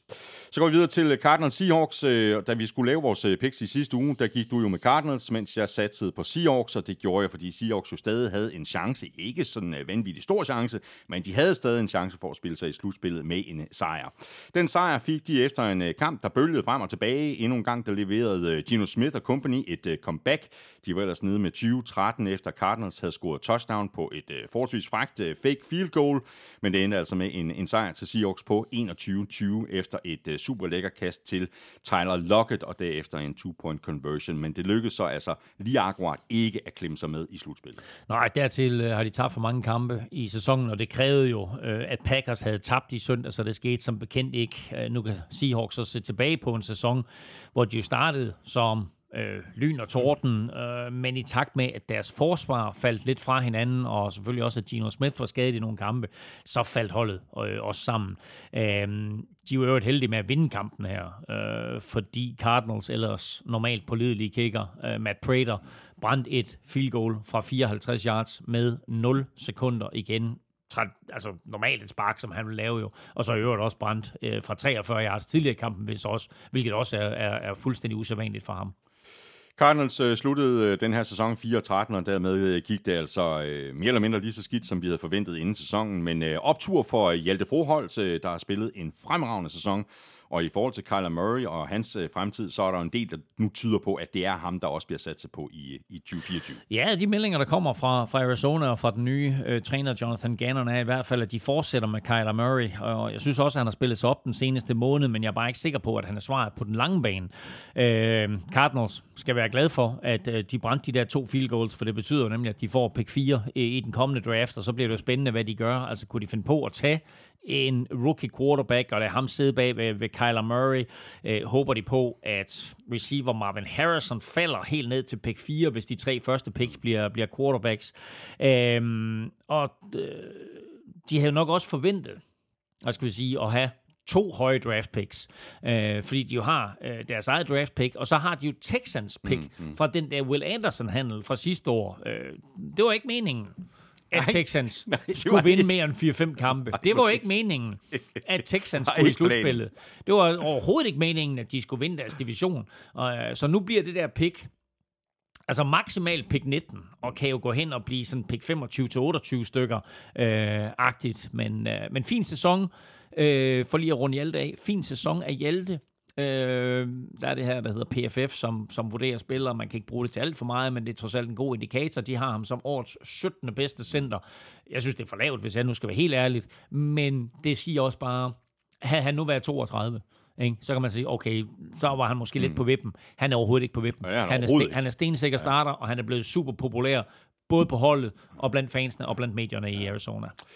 Cardinals sluttede sæsonen 4-13. De har pick 4 i draften. Seahawks de sluttede 9 og 8, og de kommer ind i draften på pick 16. Så går vi i øh, uh, NFC North, hvor Lions havde besøg af Vikings, der jo stadig havde en teoretisk chance for at komme med i slutspillet, men uh, den dør lukkede Lions effektivt med en sejr på 30-20. Lions de fortsatte med at generere store spil på, på offensiven. Jared Goff var effektiv imod øh, blitzen, kastet for 320 yards og to touchdowns, helt uh, forrygende 70 yarder til Amon Ra St. Brown. Head coach øh, Dan Campbell, han valgte altså at øh, køre med starterne ja, fra, fra start til slut, øh, og det kan man jo argumentere både for og imod. Øh, skaden til Sam Laporta, som du også nævnte lige i begyndelsen af udsendelsen, Elming, den kan altså vise sig at blive dyr. Han har været super vigtig for det her angreb hele sæsonen. Og det er jo lige nøjagtigt argumentet for, hvorfor du ikke spiller dine starter, når der ikke er noget at spille for. Uh, Lions kunne hoppe fra tredje seed til anden seed, hvis Cowboys tabte, og hvis Eagles tabte. Uh, men det jo, Eagles tabte, men altså, du ved, det var mod to middelmodige modstandere, så altså, oddsene for, at det skete på forhånd, var meget, meget lave, mm. så altså, hvorfor ikke bare uh, spare dine spillere? Lions var var sikker på tredje seed, de er sikre på en, en, en mindst en kamp øh, på hjemmebane i slutspillet. Ikke? Øhm, og de har også været sikre på det der tredje seed. Selvom de har tabt til, til Minnesota Vikings, så er der ingen grund til at spille øh, Laporta og Goff for mange af de andre. Calif Raymond, den her super hurtige receiver, han udgår jo også, og det så heller ikke alt for godt ud. Nej. Og jeg tvivler på, at hverken han eller Laporta bliver klar til Rams-kampen. Og, øhm, og hvis Lions partout ville give Laporta de der rookie-rekorder, som de gik efter, så gør det og så hive ham ud, præcis som Rams jo går med Nakua. Laporta, han griber fem bolde, øh, og dermed så satte han en ny rekord for, øh, for catches for en rookie tight end med 86. Han scorede også et touchdown, og dermed så bliver han og øh, rookie running back Jameer Gibbs øh, den første rookie duo i NFL's historie med, med 10 touchdowns hver. Øh, men altså det hele, det er jo, det er jo totalt ligegyldigt øh, sammenlignet med at være klar til den største kamp i i hvert fald de sidste 30 år mm. øh, for Lions. Ikke? Øh, så det er fuldstændig meningsløst og ligegyldigt. Øh, nå, og så lige her til sidst. Øh, en lille sjovere, eller skal vi kalde det faktisk et par stykker. Fordi efter sidste uges misære og skandale øh, med omkring hvem der måtte gribe bolden og hvem der havde rapporteret til dommerne og så videre. Øh, der lagde Lions øh, Somi øh, hold, de lagde øh, først lige et opslag op med øh, Taylor Decker, øh, hvor de skrev, øh, Dan Skipper ankommer til stadion. Øh, så der var lige sviner 1 til NFL. Og som om det ikke var nok, nok, så kastede de også bolden til øh, Dan Skipper i kampen. Hans første catch i karrieren. Så det var lige Dan Campbells øh, besked til ja. NFL. Hallo, ikke? Altså ham her, han har rapporteret, han er okay, han må gerne gribe bolden. ja, og det sjove det hele, det er, at havde de fået den two-point conversion i sidste uge, så havde de været anden seed. Ja. Ikke? Og så havde de faktisk, øh, ja, så kan man sige, så havde de haft behov for at vinde for at beholde det anden seed, men altså, så er de været anden seed nu, ikke? Jeg ved ikke, om du øh, lagde mærke til, at jeg lige lavede en lille note her. Det gjorde du. Ja, øh, det var fordi, du sagde en lille sjov. Øh, den overvejer måske, at den kan klippes ud, og så komme på bordet. Den kunne man måske godt bruge med succes senere. jeg ved ikke, hvad du vil bruge den til. Nej, det ved jeg heller ikke. Og så lige en lille sjov. en lille sjov. Øh, I forhold til, øh, til Vikings, øh, så har det ikke været en lille sjovere en sæson, det her. Det har været sådan lidt en, en underlig sæson. Øh, de spillede jo egentlig øh, flot fodbold i begyndelsen af sæsonen, tabte de tætte kampe i modsætning til sidste år. Så begyndte sejren at komme, og så røg Kirk Cousins ud for sæsonen. Derefter så har der så ellers været gang i, i svingdøren på quarterback resten af vejen, og nu lukket og slukket Vikings så med fire nederlag i, i træk. Øh, I sidste uge, der luftede du jo tanken om, at uh, Kirk Cousins han uh, skulle tilbage. Mm. Alternativt, så kunne Vikings jo også kigge efter en ny quarterback, og simpelthen en helt ny start i draften. Jeg tror også, de har tænkt sig at kigge efter en ny quarterback. Jeg tror ikke, at de har tænkt sig at gå efter et reboot. Dertil er holdet for stærkt øh, lige nu, og jeg forestiller mig ikke, at de ikke forlænger med Kirk Cousins i et år mere. Um, Nick Mullins er jo en sjov type. Han spiller en vild kamp, ikke? Altså kaster for næsten 400 yards øh, og kastet to lange touchdowns til Justin Jefferson og Jordan Addison. Men så kaster han også to interceptions. Men han ville det så gerne. Ja, ja, men altså det, det, er, jo, det er jo vildt nok ikke, fordi altså, det her Vikings kastangreb, det er jo sindssygt nok ikke. Han skal jo bare lade være med at lave de der fejl. Uh, Justin Jefferson havde uh, en vild kamp, 12 grebne bolde, 192 yards, og det sendte ham over 1000 yards på sæsonen, hvilket er rimelig imponerende til betragtning af, at han har spillet 9,5 kamp. Ja, det er fuldstændig crazy. Lions, de sluttede sæsonen 12 og 5. De spiller altså hjemme mod Rams. Vikings, de sluttede 7 og 10, og de kommer ind i draften på pick 11. Så har vi øh, Packers Bears, og det lykkedes altså for Packers at komme fra baghjul og sikre sig en plads i slutspillet. Det øh, er selvfølgelig noget af en opgave, de øh, står for, når de skal spille mod Cowboys i, i Dallas. Men jeg tror, at alle Packer-fans og hele organisationen allerede nu kan sætte et stort fedt flueben ud for den her sæson. Ikke mindst fordi de nu ved, at Jordan Love er manden. Og det viste han jo også i den her kamp, som Packers altså vandt med 17-9, og jo derfor også, at vi nominerede ham til ugens Ja, og langt hen ad vejen var han bare skide god, og det har han været den seneste måned eller to. Øh, husk på, at de var 2 og 5. Ikke? Altså, øh, han var udskilt for at kaste for mange interceptions og være upræcis og tage dumme beslutninger. Mere eller mindre alt det, som man øh, kan skælde en quarterback ud for, men han er i den grad kommet efter det. Øh, Jordan Love, hvor det i sidste uge var Jalen Reed, der, der, der greb to touchdowns, så var det her Dontavian Wicks, som øh, øh Jordan Love fandt øh, for, for, for to lækre touchdowns. Øh, og han misser altså kun fem kast i hele kampen, øh, Jordan Love, så han var ganske præcis og tog alle de rigtige beslutninger. Og løbeangrebet fungerede også med øh, Aaron Jones tilbage. Han fik 111 yards, og så havde Packers forsvar rigtig godt fat i, øh, i Bears og holdt Justin Fields det, i skak det meste af kampen og lukkede jo helt ned for Bears løbeangreb. Bears sæson sluttede altså 7 10. Øh, rent spillemæssigt, så har den øh, sidste halvdel af sæsonen øh, været noget bedre end den første halvdel, og det løber jo også godt for næste sæson, hvor det ser ud til. Nu nævnte du godt nok lige, at der var tale om nogle andre muligheder i forhold til head coach, men det officielle signal i sidste uge var, at Matt Iberflus, han ville, ville fortsætte som, som, som head coach. Kan også forestille dig, hey, Jim Harbaugh kommer ind, Justin Fields bliver traded, og de drafter øh, Caleb Williams. Uh, altså, så er der fuldstændig reboot. Ja, det I, hvert fald, da, I hvert fald offensivt. Ja, det skal jeg da godt nok lige love for, men altså, var det i sidste uge eller i forrige uge, hvor, hvor hjemmepublikummet i Chicago stod og råbte på Justin Fields, ja, Justin Fields, ja, ja, ikke? Ja, men, At, altså, øh, men altså, ja, Spørgsmålet er, hvad der sker, og, og spørgsmålet er, om øh, for eksempel øh, øh, den offensive koordinator, om han får lov til at fortsætte. Jeg synes, det er meget forudsigeligt, det han, øh, han har disket op med. Ja, altså, det, det ved jeg ikke, om det er, men, men jeg var overrasket over at se, øh, at, at Justin Fields nærmest var ude og sige tak, øh, farvel og tak på, på preskonferencen. Øh, han var godt klar over, at hans sidste kamp kan være spillet øh, for Bears, og helt ærligt, så gjorde opgør heller ikke noget godt for ham. Øh, forsvaret holder Packers til 17 point og Justin Fields får altså flere chancer for at, score point og vinde kampen, men det kan han ikke. Uh, han har et par vilde spil uh, undervejs, men overordnet set, så er der lidt for langt mellem snapsene. Uh, så jeg vil faktisk ikke være overrasket, hvis Bears de trader ham. De kan angiveligt få et anden runde pick for ham. Uh, og med de to picks, de har i draften, de har, der, de har pick 1, som de har fra, fra Panthers, og så har de deres eget pick, som er pick 9.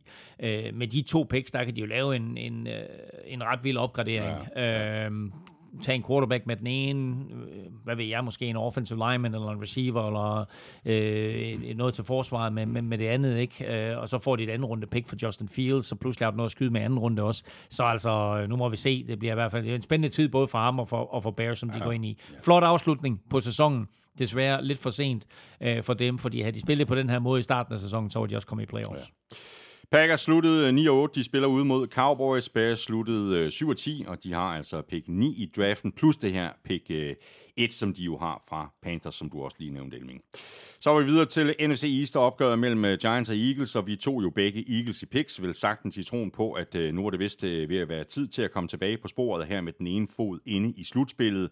Og ja, Eagles var sikre på slutspil, men sådan som de har spillet den seneste måneds tid, så kunne det måske være en, en meget god idé lige sådan at få en succesoplevelse inden wildcard-kampen mod Buccaneers. Den øh, optur udblev. Giants vandt med øh, 27-10, efter at have bragt sig foran med hele 24-0. Tyra Taylor han spillede en flot kamp, og forsvaret leverede den ene takeaway efter den anden. Så det kan godt være, at Giants sæson ikke øh, gik som forventet, men øh, de sluttede af med en flot sejr over en af divisionsrivalerne. Og nu må vi så se, om Saquon Barkley, om han kommer tilbage til Giants næste år. Ja, han skrev jo en etårskontrakt inden sæsonen her, og hvis, hvis Giants de franchiser ham, så øh, snakker vi 11-12 millioner dollars, som de skal betale. Men altså, han er alle pengene værd, fordi han beviser her i den her kamp, at han er blandt NFL's bedste running backs, når han er rask. Øh, og vil mærke ikke kun til at løbe, men jo også er et våben i kastangrebet. Han har øh, 20 boldberøringer i alt i kampen her, øh, for lige under 100 yards og to touchdowns. Tyra Tyrod Taylor øh, var, var god igen, øh, kastet for små 300 yards og pillede Eagles forsvar fra hinanden hele kampen. Så blev han faktisk småskadet undervejs, og ind kom Tommy DeVito. Øh, så på en eller anden måde, øh, han tog kun et par plays, så kom han ud igen, men på en eller anden måde, så det faktum, at de begge to var på banen, og at Daniel Jones ikke var det, det var sådan et meget godt billede af Giants sæson. Ja. Så er spørgsmålet så, hvor vi øh, skal begynde i forhold til Eagles, uden at lyde lidt som en, en plade, der er gået i hak. Øh, der har godt nok været langt mellem snapsen i rigtig lang tid efterhånden. Det var der også i den her kamp. Der var jo nærmest ingenting, der fungerede hverken på angreb eller på forsvar. Nu er Eagles altså lige tabt fem af deres seneste seks kampe. Ja, det er helt vildt, ikke? Øh, og de halter ind i slutspillet. Ikke kun mentalt, men også fysisk. Det her, det var en hård kamp for Eagles på, øh, på skadesfronten. Jalen Hurts fik en fingerskade, uh, som så helt vildt ud, mm. men man kom tilbage ind i kampen. AJ Brown udgik med en knæskade, men der er håb om, at, at han dog bliver klar til mandag. De har lige den her ekstra dag, fordi de spiller på mandag. Uh, hvad gik det for rookie safety Sidney Brown, som jo scorede det der lange interception touchdown i sidste uge, men her udgik med en korsbåndsskade og færdig for sæsonen. Guard Cam Jurgens udgik med en øjenskade, og holdet var i forvejen uden uh, Devonta Smith. Uh, så alt i alt en, en altså, meget, meget ærgerlig afslutning på sæsonen for dem, men altså skader øh, er en ting, noget andet er, at forsvaret ikke kan stoppe nogen som helst, mm. og at angrebet jo ikke er på samme niveau, nær samme niveau, som det var sidste år. Øh, det ender også med, at Jalen Hurts han bliver taget ud. På det tidspunkt, der har han ramt noget med, med fem kast for 59 yards. Øh, så altså helt, helt, helt skidt kamp af ham, ikke? Og ind kommer Marcus Mariota. Øh, det er jeg ikke sikker på, at der er nogen øh, i Eagles-organisationen, eller blandt øh, de fremmødte fans, der havde regnet med. Næppe. Giants sluttede 6 og 11. De drafter på øh, pick 6. Eagles sluttede 11 og 6, og de spiller altså ud mod Buccaneers.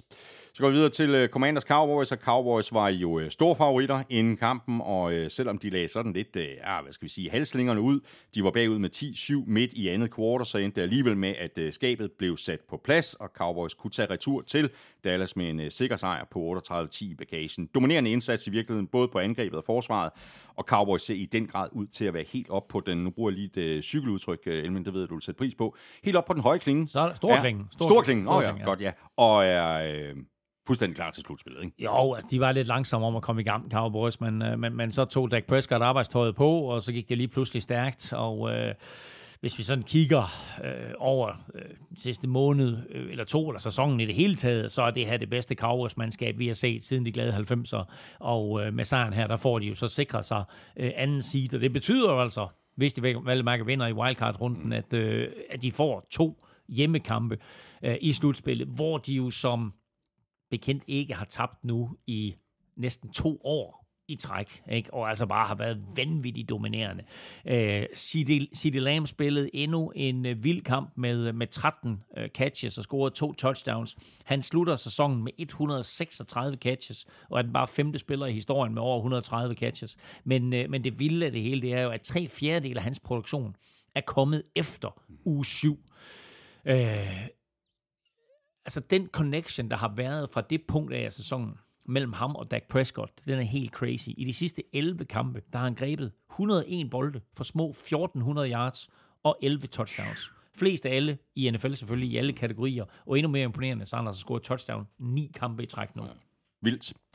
Så vidt jeg husker, så havde vi begge to uh, commanders til at slutte nederst i divisionen, da vi uh, kom med vores uh, forudsigelser før sæsonstart, og det var også sådan, det gik. Commanders går ud af 23-sæsonen med blot fire sejre.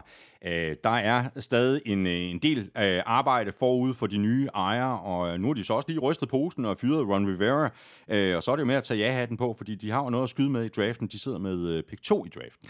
Ja, og der, der er i hvert fald mulighed for, for total reboot. De har fyret Ron Rivera. Øh, de fyrer med stor sandsynlighed også deres general manager. De har hævet to personer ind til organisationen til at hjælpe med at, at få den på ret køl igen. Øh, de har et højt draft pick pick. Øh, de kan vælge øh, en, en top quarterback med, med det pick. De har masser af penge under lønloftet, men de har så til gengæld også øh, masser af huller, ikke mindst på, på pass rush, hvor de jo sagde farvel både til Montez Sweat og Chase Young i sæsonen. De har fem picks i de første tre runder, og kigger man historisk på det, når de har haft pick 2, så er der altså et par interessante navne imellem, øh, som man kan sige, efter en flot start på karrieren, måske ikke helt har haft den succes, de havde håbet på. Før nævnte Chase Young, så var der Robert Griffith den tredje, og så LaVar Arrington. Ret skal være ret, LaVar Arrington havde en, en, en fin karriere, mm. øh, men altså det drejer sig om for dem nu her øh, at ramme plet, men, men trods alt også så mange picks, så, så de får en salgfaldsindsprøjtning. Ja, de har noget at arbejde med. Cowboys sluttede 12 5. De får besøg af Packers. Commanders øh, sluttede 4 13, og de har altså næsten frit valg øh, i draften på pick 2. Så hopper vi i uh, øh, NFC South, hvor Saints gjorde det, de skulle for at holde liv i deres uh, slutspilsambitioner lige til det sidste. De klarede nemlig selv uh, ærterne hjemme med en sejr over Falcons på 48-17 efter der stod øh, uafgjort ved pausen, og så var det ellers bare at øh, krydse fingre for, at Buccaneers ville tabe, eller både Packers og Seahawks ville tabe deres kampe i det sene vindue.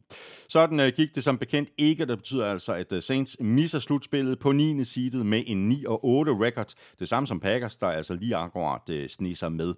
Summa summarum, øh, selvfølgelig ærgerligt for Saints, øh, men øh, omvendt øh, så sluttede de øh, flot af, sådan helt generelt, og Derek Carr, han spillede sin måske i, i virkeligheden bedste kamp i en Saints-uniform. Saints-uniform, han er, ja, han er desværre kommet lidt for Saints i, sent i gang, øh, for de seneste to kampe, der har, har vel nok været hans bedste øh, for sin nye klub. Øh, han ramte på 22 kast ud af 28 her for, for 264 yards. Han ramte ni forskellige spillere og kastede fire touchdowns for første gang som Saints-spiller. To i øvrigt til rookie A.T. Perry, og så det der spektakulære, jeg ved ikke, om du så det, øh, jonglerende catch jo, jo, jo. Af, af, af Chris Olavi, ren trylle touchdown. Øh, kampen sluttede jo så på en lidt bizarre måde, da James Winston kommer ind øh, i stedet for Derek Carr, går i victory-formation, og når man går i victory-formation, så forventer modstanderne, at man tager knæ. Det gjorde de ikke.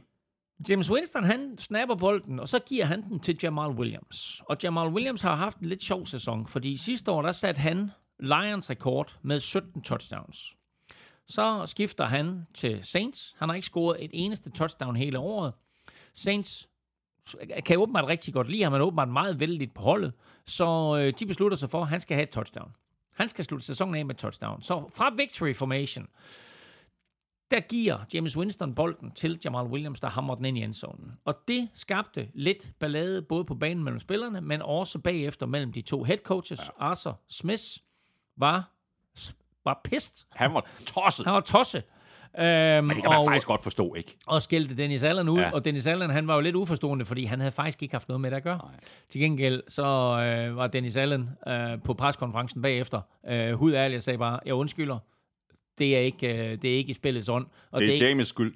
Ja, altså det var det. Og, og, og den der, altså nu, nu så jeg også interviewet med James Winston bagefter omklædningsrummet, fordi startende quarterback kan du ikke komme til i omklædningsrummet der ved alle pressefolk, øh, ham holder du derfra, han skal på podiet, og så siger han noget, og det er det, du får fra ham. Men alle andre, inklusive en backup quarterback, og inklusive en quarterback, der kommer ind og tager det, han står i omklædningsrummet, der kan du gå hen mm. til hans skab, og så kan du stå og snakke med ham. Og der var altså 10 mikrofoner i hovedet på ham, hvor han så står og siger, it was a team decision. Og du ved, altså, den måde, han taler på, du ved, han, han, altså, er underlig, underlig fætter, ham der, James Winston, ikke? Men øh, ja, Øh, men altså meget sjovt, jo, at både ham og Marcus Mariota fik spilletid i den her uge. De var trods alt øh, draft pick 1 og 2 for ja. 6 år siden. Ja. Og så havde du jo et, øh, et godt øje til Falcons inden sæsonen. Øh, mener, du havde dem til at vinde divisionen, og sådan kunne det jo sådan set også godt være, være gået i den her meget tætte NFC South. Men øh, de sluttede altså træer. Nu er Arthur Smiths øh, fortid i klubben. Øh, tror du, han skuler sådan lidt over mod Desmond Ritter på vej ud af døren? Altså ikke, ikke så meget på grund af den her kamp, men mere hele sæsonen, hvor han vel ikke levede op til forventningerne.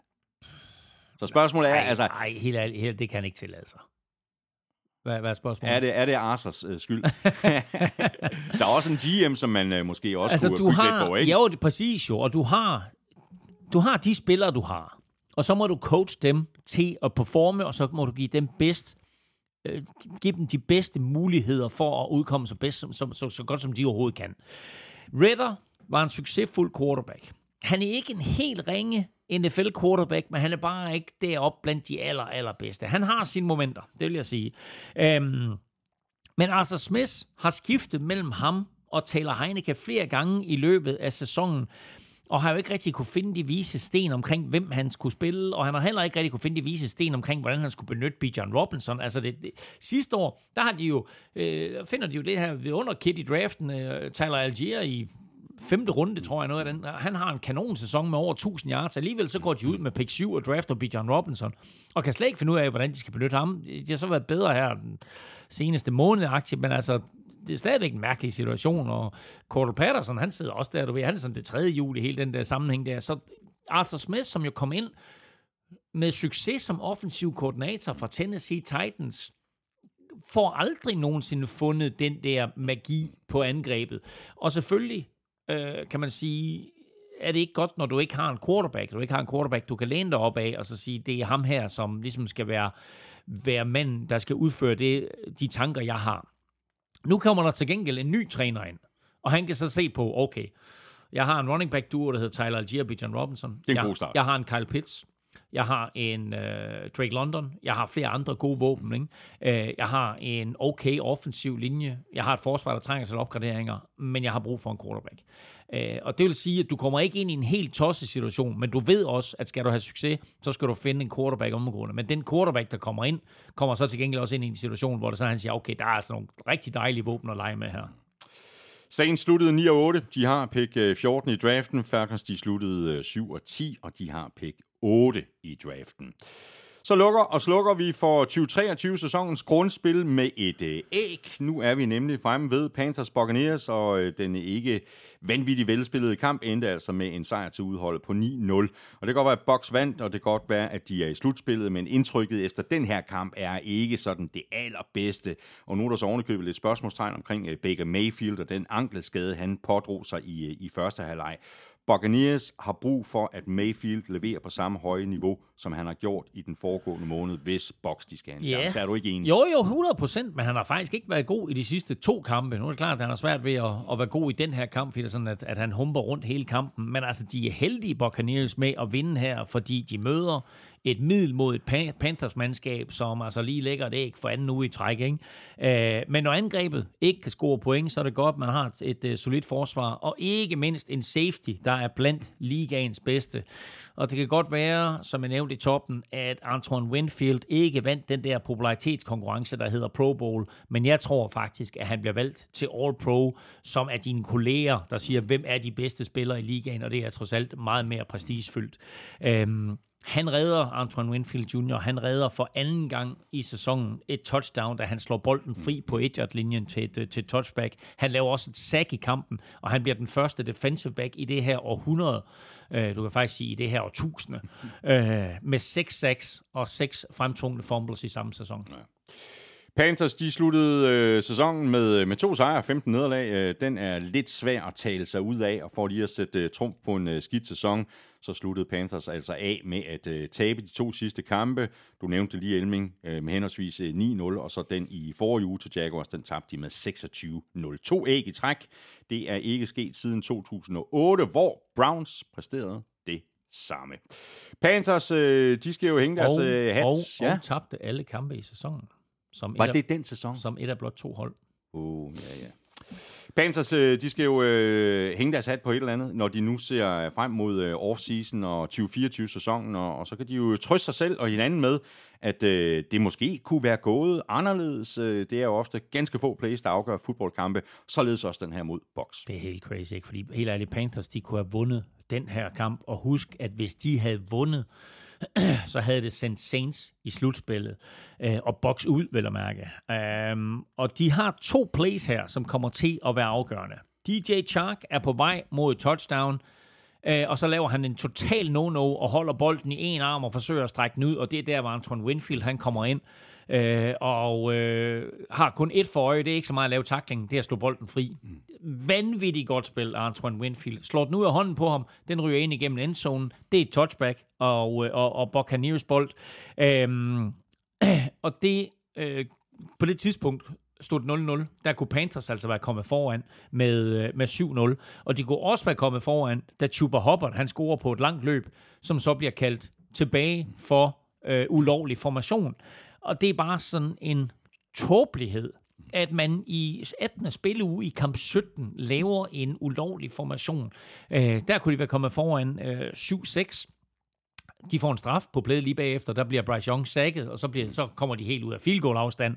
Øh, og så ender det jo med, at de får det der æg. Så en, en rigtig øv afslutning på Panthers, øh, eller for Panthers på en i, i forvejen meget, meget skuffende sæson.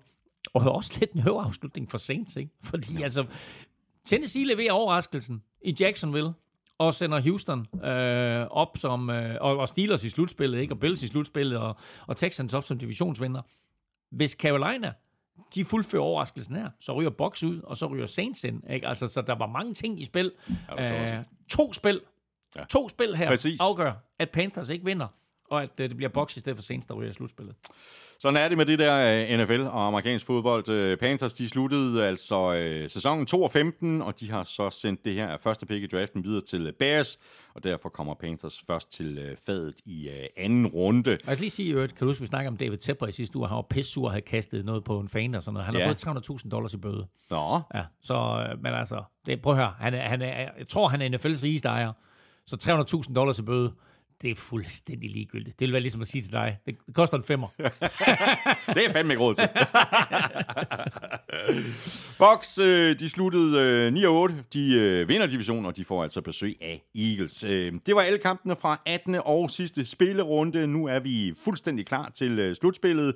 Det ser vi frem mod øh, lige om lidt, når vi skal lave vores øh, picks. Vi skal også forbi øh, nemlig.com og have trukket lod om et øh, gavekort på 1000 kroner. Og så skal vi selvfølgelig også omkring øh, quizzerne og se, om vi ikke kan få et øh, par rigtige svar i øh, dem. Hvad siger du til det, Elming? Øh, hurtigt bud på øh, Super Bowl? Altså, det nemme vil jo være at sige 49ers mod Ravens. Uh, ja, og det er også det, jeg siger. Det sjove vil være at sige uh, Lions mod Browns. Ja. Og det, jeg håber på, det er, at Bills på en eller anden måde vinder. Ja, fordi de vil øh, fuldføre det her vanvittige comeback efter en, også en bare, rigtig skidt jamen også første bare, fordi de sæsonen. Havde, ikke? De havde de der fire Super Bowls i 90'erne, som de taber. Super Bowl 25, 26, 27, 28. I træk jo det eneste hold, der har været fire Super Bowls i træk. Um, og lige siden øh, der har de håbet på at komme tilbage, og lige siden, ikke, altså sammen med, øh, med Minnesota Vikings, der har de jo øh, de der fire nederlag hængende øh, over hovedet. Øh, Broncos havde også længe, men så vandt de jo lige tre Super Bowls faktisk. Ikke? Øh, så øh, så jeg, jeg har altid haft en forkærlighed for Bills, og jeg håber, de vinder. Jeg vil sige, det andet hold, jeg håber vinder, det er, det er Miami Dolphins, men øh, øh, de to kunne jo principielt godt mødes i, i AFC-finalen. Det kunne de, det kunne de sagtens. Godt, jamen øh, jeg går med øh, det nemme bud, Ravens øh, 49ers. Og hvem håber du på? uh, den er svær. jeg går ud fra, at der er et øh, momentometer på vej på, på gult ud, og det bliver så sæsonens sidste, eller hvad? Eller det bliver du? sæsonens sidste, og traditionen tro, så er det de 14 hold, som øh, kommer i slutspillet, der ender i top 14. Og i bunden, der sker der ikke så meget. Når man, når man i forvejen ligger sidst, og man så laver det ikke, så får man lov til at blive ved med at være sidst. ja, præcis. Elmings øh, momentometer kommer altså til at ligge det samme sted, hvor det altid ligger, og det er selvfølgelig på Danmarks største og bedste fodboldsite, gulklude.dk. Vi skal have quizzen! Åh. Oh. Det er tid til quiz, quiz, quiz, quiz, quiz. Nå. Ja. Ah, Elming. Øh. Ja. Det var noget med Montez Sweat øh, og ja. Leonard Williams. Montez Sweat og Leonard Williams skiftede begge to klubber inden sæsonen. Hvorfor ja. blev de begge to historiske? Altså, ved du hvad, og nu kan du se, du kan se min, min lille lap øh, papir ja, hvad står her. Jeg, jeg, jeg, Montez Sweat. Montez Sweat og Leonard Williams. Og der er ingen og så, noter. nej, jeg har ingen nej, noter. Jeg har ikke skrevet noget ned. Du får lidt hjælp. Nej, må, jeg, må jeg lige komme med et bud? Ja. ja. Øhm, og det er det eneste, jeg sådan rigtig kan komme i tanke om, mm. i hvert fald med Montez Sweats, mm. at øh, han nu fører i sacks for begge de klubber, han har spillet for i år. Du har googlet. Det har jeg set. Du har googlet. Jeg googlet. Men jeg ved ikke med, jeg ved ikke med Leonard Williams. Om, er det det samme, eller hvad? Nej, nej, nej. Du har fuldstændig ret med Montez Sweat. Okay. Han bliver den første spiller nogensinde til at føre to forskellige klubber i seks i samme sæson. Han lavede 6,5 for Washington, og han lavede 6 for Chicago Bears. Jamen, det synes jeg, jeg så i, går eller i forgår. Nå, nå, nå, okay. Ja, godt. Du har mentalt googlet. godt. Leonard Williams. Ja. Jeg giver dig et hint. Ja. Da han skiftede til Seahawks, der havde de siddet over. Da, da han skiftede til Seahawks, der havde de haft fri uge. Ja, jeg er fuldstændig kørt i grøften nu. Det kan jeg lige så godt sige sådan der. Han blev den første spiller i NFL's historie, der har spillet 18 kampe på en sæson. Ah. Den skulle jeg også lige have googlet, var. Ja. Nå, okay. Jamen, det er godt. Jamen, øh, også Han til, spillede- til, til at han- starte med, der, hvad der, ja. havde jeg sådan noget, at de var blevet historisk på den samme måde, men det var to Nå, forskellige ja, måder, ja, de blev præcis. historiske. Ja, ja, okay. hvad hedder det? Nej, men uh, Alright. hvad hedder det? Han spillede i 18, øh, alle 18 grundspilsuger, Og det er sejt. øh, fordi han ikke havde siddet over med, øh, med Giants, og da han kom til Seahawks, så havde de siddet over, så han mm. spillede 18 uger i træk. Åh, Mm, Jeg tror faktisk, det var det omvendte af øh, Montez Sweat, eller også var det Chase Young, der fik to fri uger. oh, dejligt. Ja, ja. Ja. Nå, øh, så var der Jakob Question Mark Hansens øh, quiz til dig, øh, og det var den øh, gamle garde Ja. kan endnu, det var den, Ja. du valgte. Adam Thielen, kommet i fornemt selskab. Han er blevet en del af en øh, eksklusiv klub af wide receiver, der har grebet 100 bolde eller flere i en sæson, efter at de har rundet 33. Mm. Ja, det er det har fem andre præsteret før ham. Ja. Kan du nævne de fem? Godt. Og lige hurtigt spørgsmål. Skal vi langt tilbage i tiden med en enkelt af dem? Hmm, ikke nødvendigvis. Det Nej, kommer godt. an på, hvor... Godt, jeg siger Jerry Rice. Ja, det er fuldstændig korrekt. Så siger- han, han har gjort det to gange. Okay, så siger Tim Brown. Øh, nej. Ah, Ah, så siger Larry Fitzgerald. Ja, han har gjort det... Han har også gjort det to gange, ligesom øh, Jerry har. Men det er ikke, de, altså, de tæller kun én gang, ikke også? Jo, jo. Ja, ja. Jo, jo. Øhm, 33. Det er alligevel gammelt. Mm, ja. Hvor gammel er du, Elving?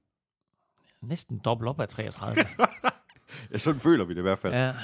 ja. Øhm, Du skal bare sige til, når du skal have lidt, øh, jeg, skal hjælpe. have lidt jeg, hjælp. jeg skal okay. hjælpe. Hvis jeg nu siger øh, 28-3 og et forholdsvis afgørende catch, hvad siger du så? Julian Edelman. Exactly. Okay. Øhm, så har vi næste levende billede. Øhm, han spillede 14 sæsoner for den samme klub. Ja, det hjælper mig jo ikke, jo. Mm, ej, hvad kan vi så sige?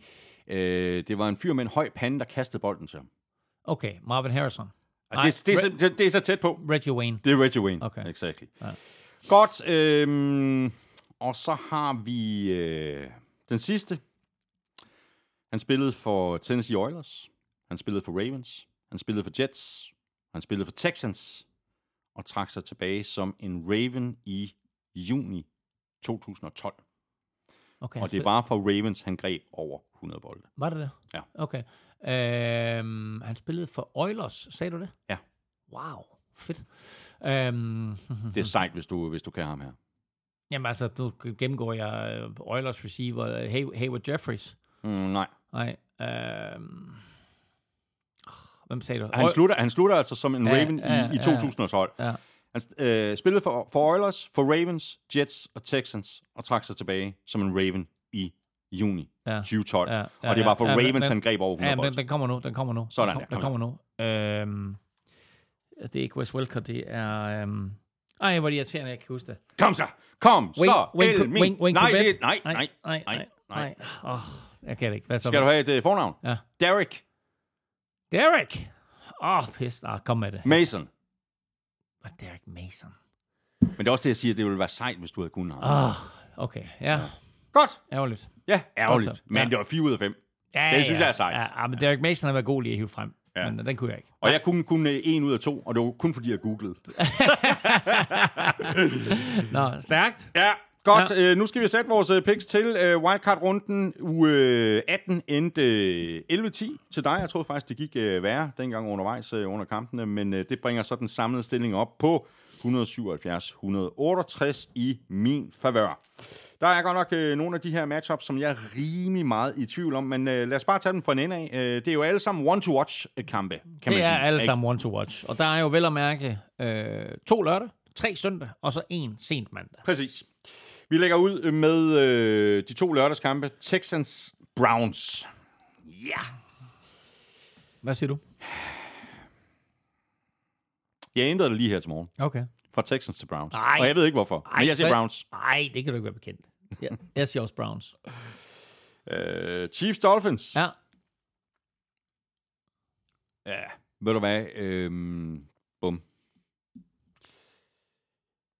Jeg går med hjemmeholdet. Jeg siger Chiefs. Jamen, det er irriterende, for det gør jeg også. Øh, jeg tror, for en uge siden, der havde jeg taget Dolphins. Men, øh, men de er simpelthen for skadesplade. Ja, det er de. Men uh, jeg havde taget Dolphins, hvis de har spillet i Miami. Ja, men, øh, men de har ikke noget pass rush. De er, altså, deres tre bedste pass rusher, faktisk fire, er ude. Mm. Øh, og øh, det betyder, at uh, Mahomes han får, får fri tøjler. Så jeg tror desværre, at, uh, at, at Chiefs de trækker det længste strå her, selvom jeg holder med Miami.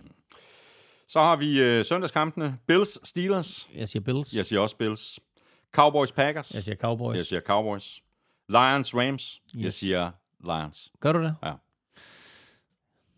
Så Jared Goff får sin hævn over Rams. Mm. Vil det ikke være en god, øh, vil det ikke være en god storyline? Altså lige Jo. på nær dem, der holder med Rams selvfølgelig. Jo, så tager jeg Rams. Yes, øh, og så mangler vi bare den sidste. Bucks, Eagles. Ja. Er svært? Ja, den er virkelig, virkelig, virkelig svær, ikke? Hold nu Jo. op, Eagles har tabt fem ud af deres seneste seks. De har faktisk ikke Ja. ja. lignet sig selv, Nej. siden de fik tæv af, af Buccaneers. 49ers. Tag Nej, jeg siger, nej, jeg siger Eagles. Lad da være. Jamen, det gør jeg. Nå, det gør jeg også. Det vil sige, der var kun en, vi var enige om. Ej, jeg tog Rams, gør jeg ikke det? jo, der var- jo, det, var den en, eneste. Det var den eneste, okay. Ja. Ja. Godt, øh, det var vores øh, bud på øh, wildcard-runden, og med det er det nu blevet tid til, at vi skal have trukket lod om et gavekort på 1.000 kroner til nemlig.com. Det bedste af det bedste. Præsenteret i samarbejde med Nemlig. Nemmer, nemlig.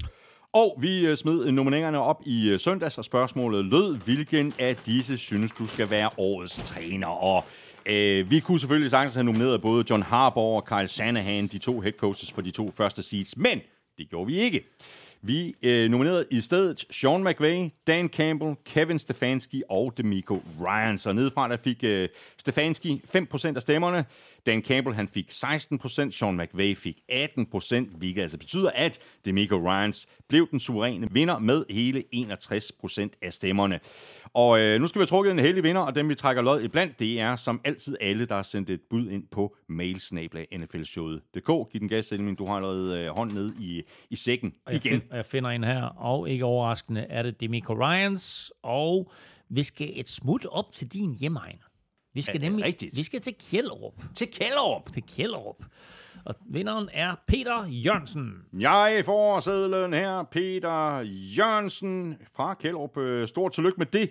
Du får en øh, mail med en øh, kode lidt senere i dag, og så kan du altså give den øh, fuld skrald på nemlig.com. Du har 1000 kroner at handle for, og der er frit valg på alle hylder. Og jeg skulle hilse fra øh, salgschefen på nemlig.com og sige, at hvis der er nogen, der har sådan lidt problemer med at finde alle de her forskellige varianter af taffelchips, som vi sidder og mesker os i her i showet, så er de altså alle sammen at finde inde på nemlig.com. Nemlig er med os igen om øh, to uger, så det er bare med at følge godt med på øh, Instagram, Facebook og X. Det er nemlig her, at vi øh, sætter den næste konkurrence i gang, og det gør vi altså om øh, søndagen. Og det betyder så, at næste gang, at vi lægger op til det bedste af det bedste med, nemlig det er søndag den 21. januar. Nemmer, nemlig.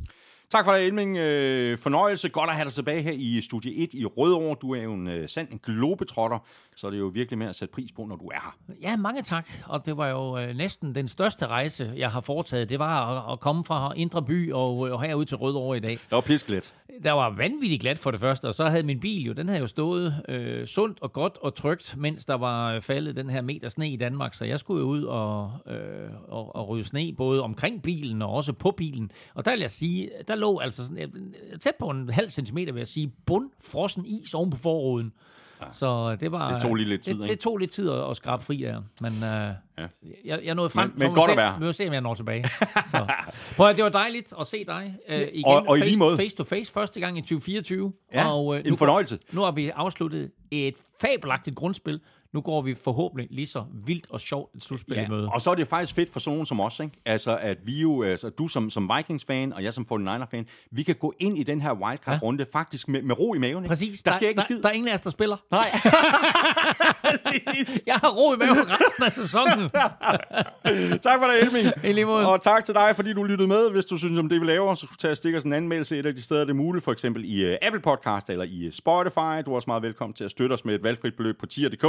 eller via det link, der ligger øverst på nflshow.dk. Det skulle du tage at gøre, så er du nemlig med til at sikre dig, at vi kan fortsætte med at uh, lave showet. Og når du støtter, så giver du også lige dig selv chancen for at vinde et gavekort på 500 kroner til fanzone.store. Du sidder og rækker fingre Jamen, det er fordi, jeg kommer lige her med fem lynhurtige breaking news. Ja. Øhm, Commanders er interesseret i øh, Jim Harbaugh, altså som netop har afsluttet college-sæsonen og måske mm. sin college-karriere. Øh, Wink Martindale øh, trækker sig tilbage som defensive coordinator for New York Giants.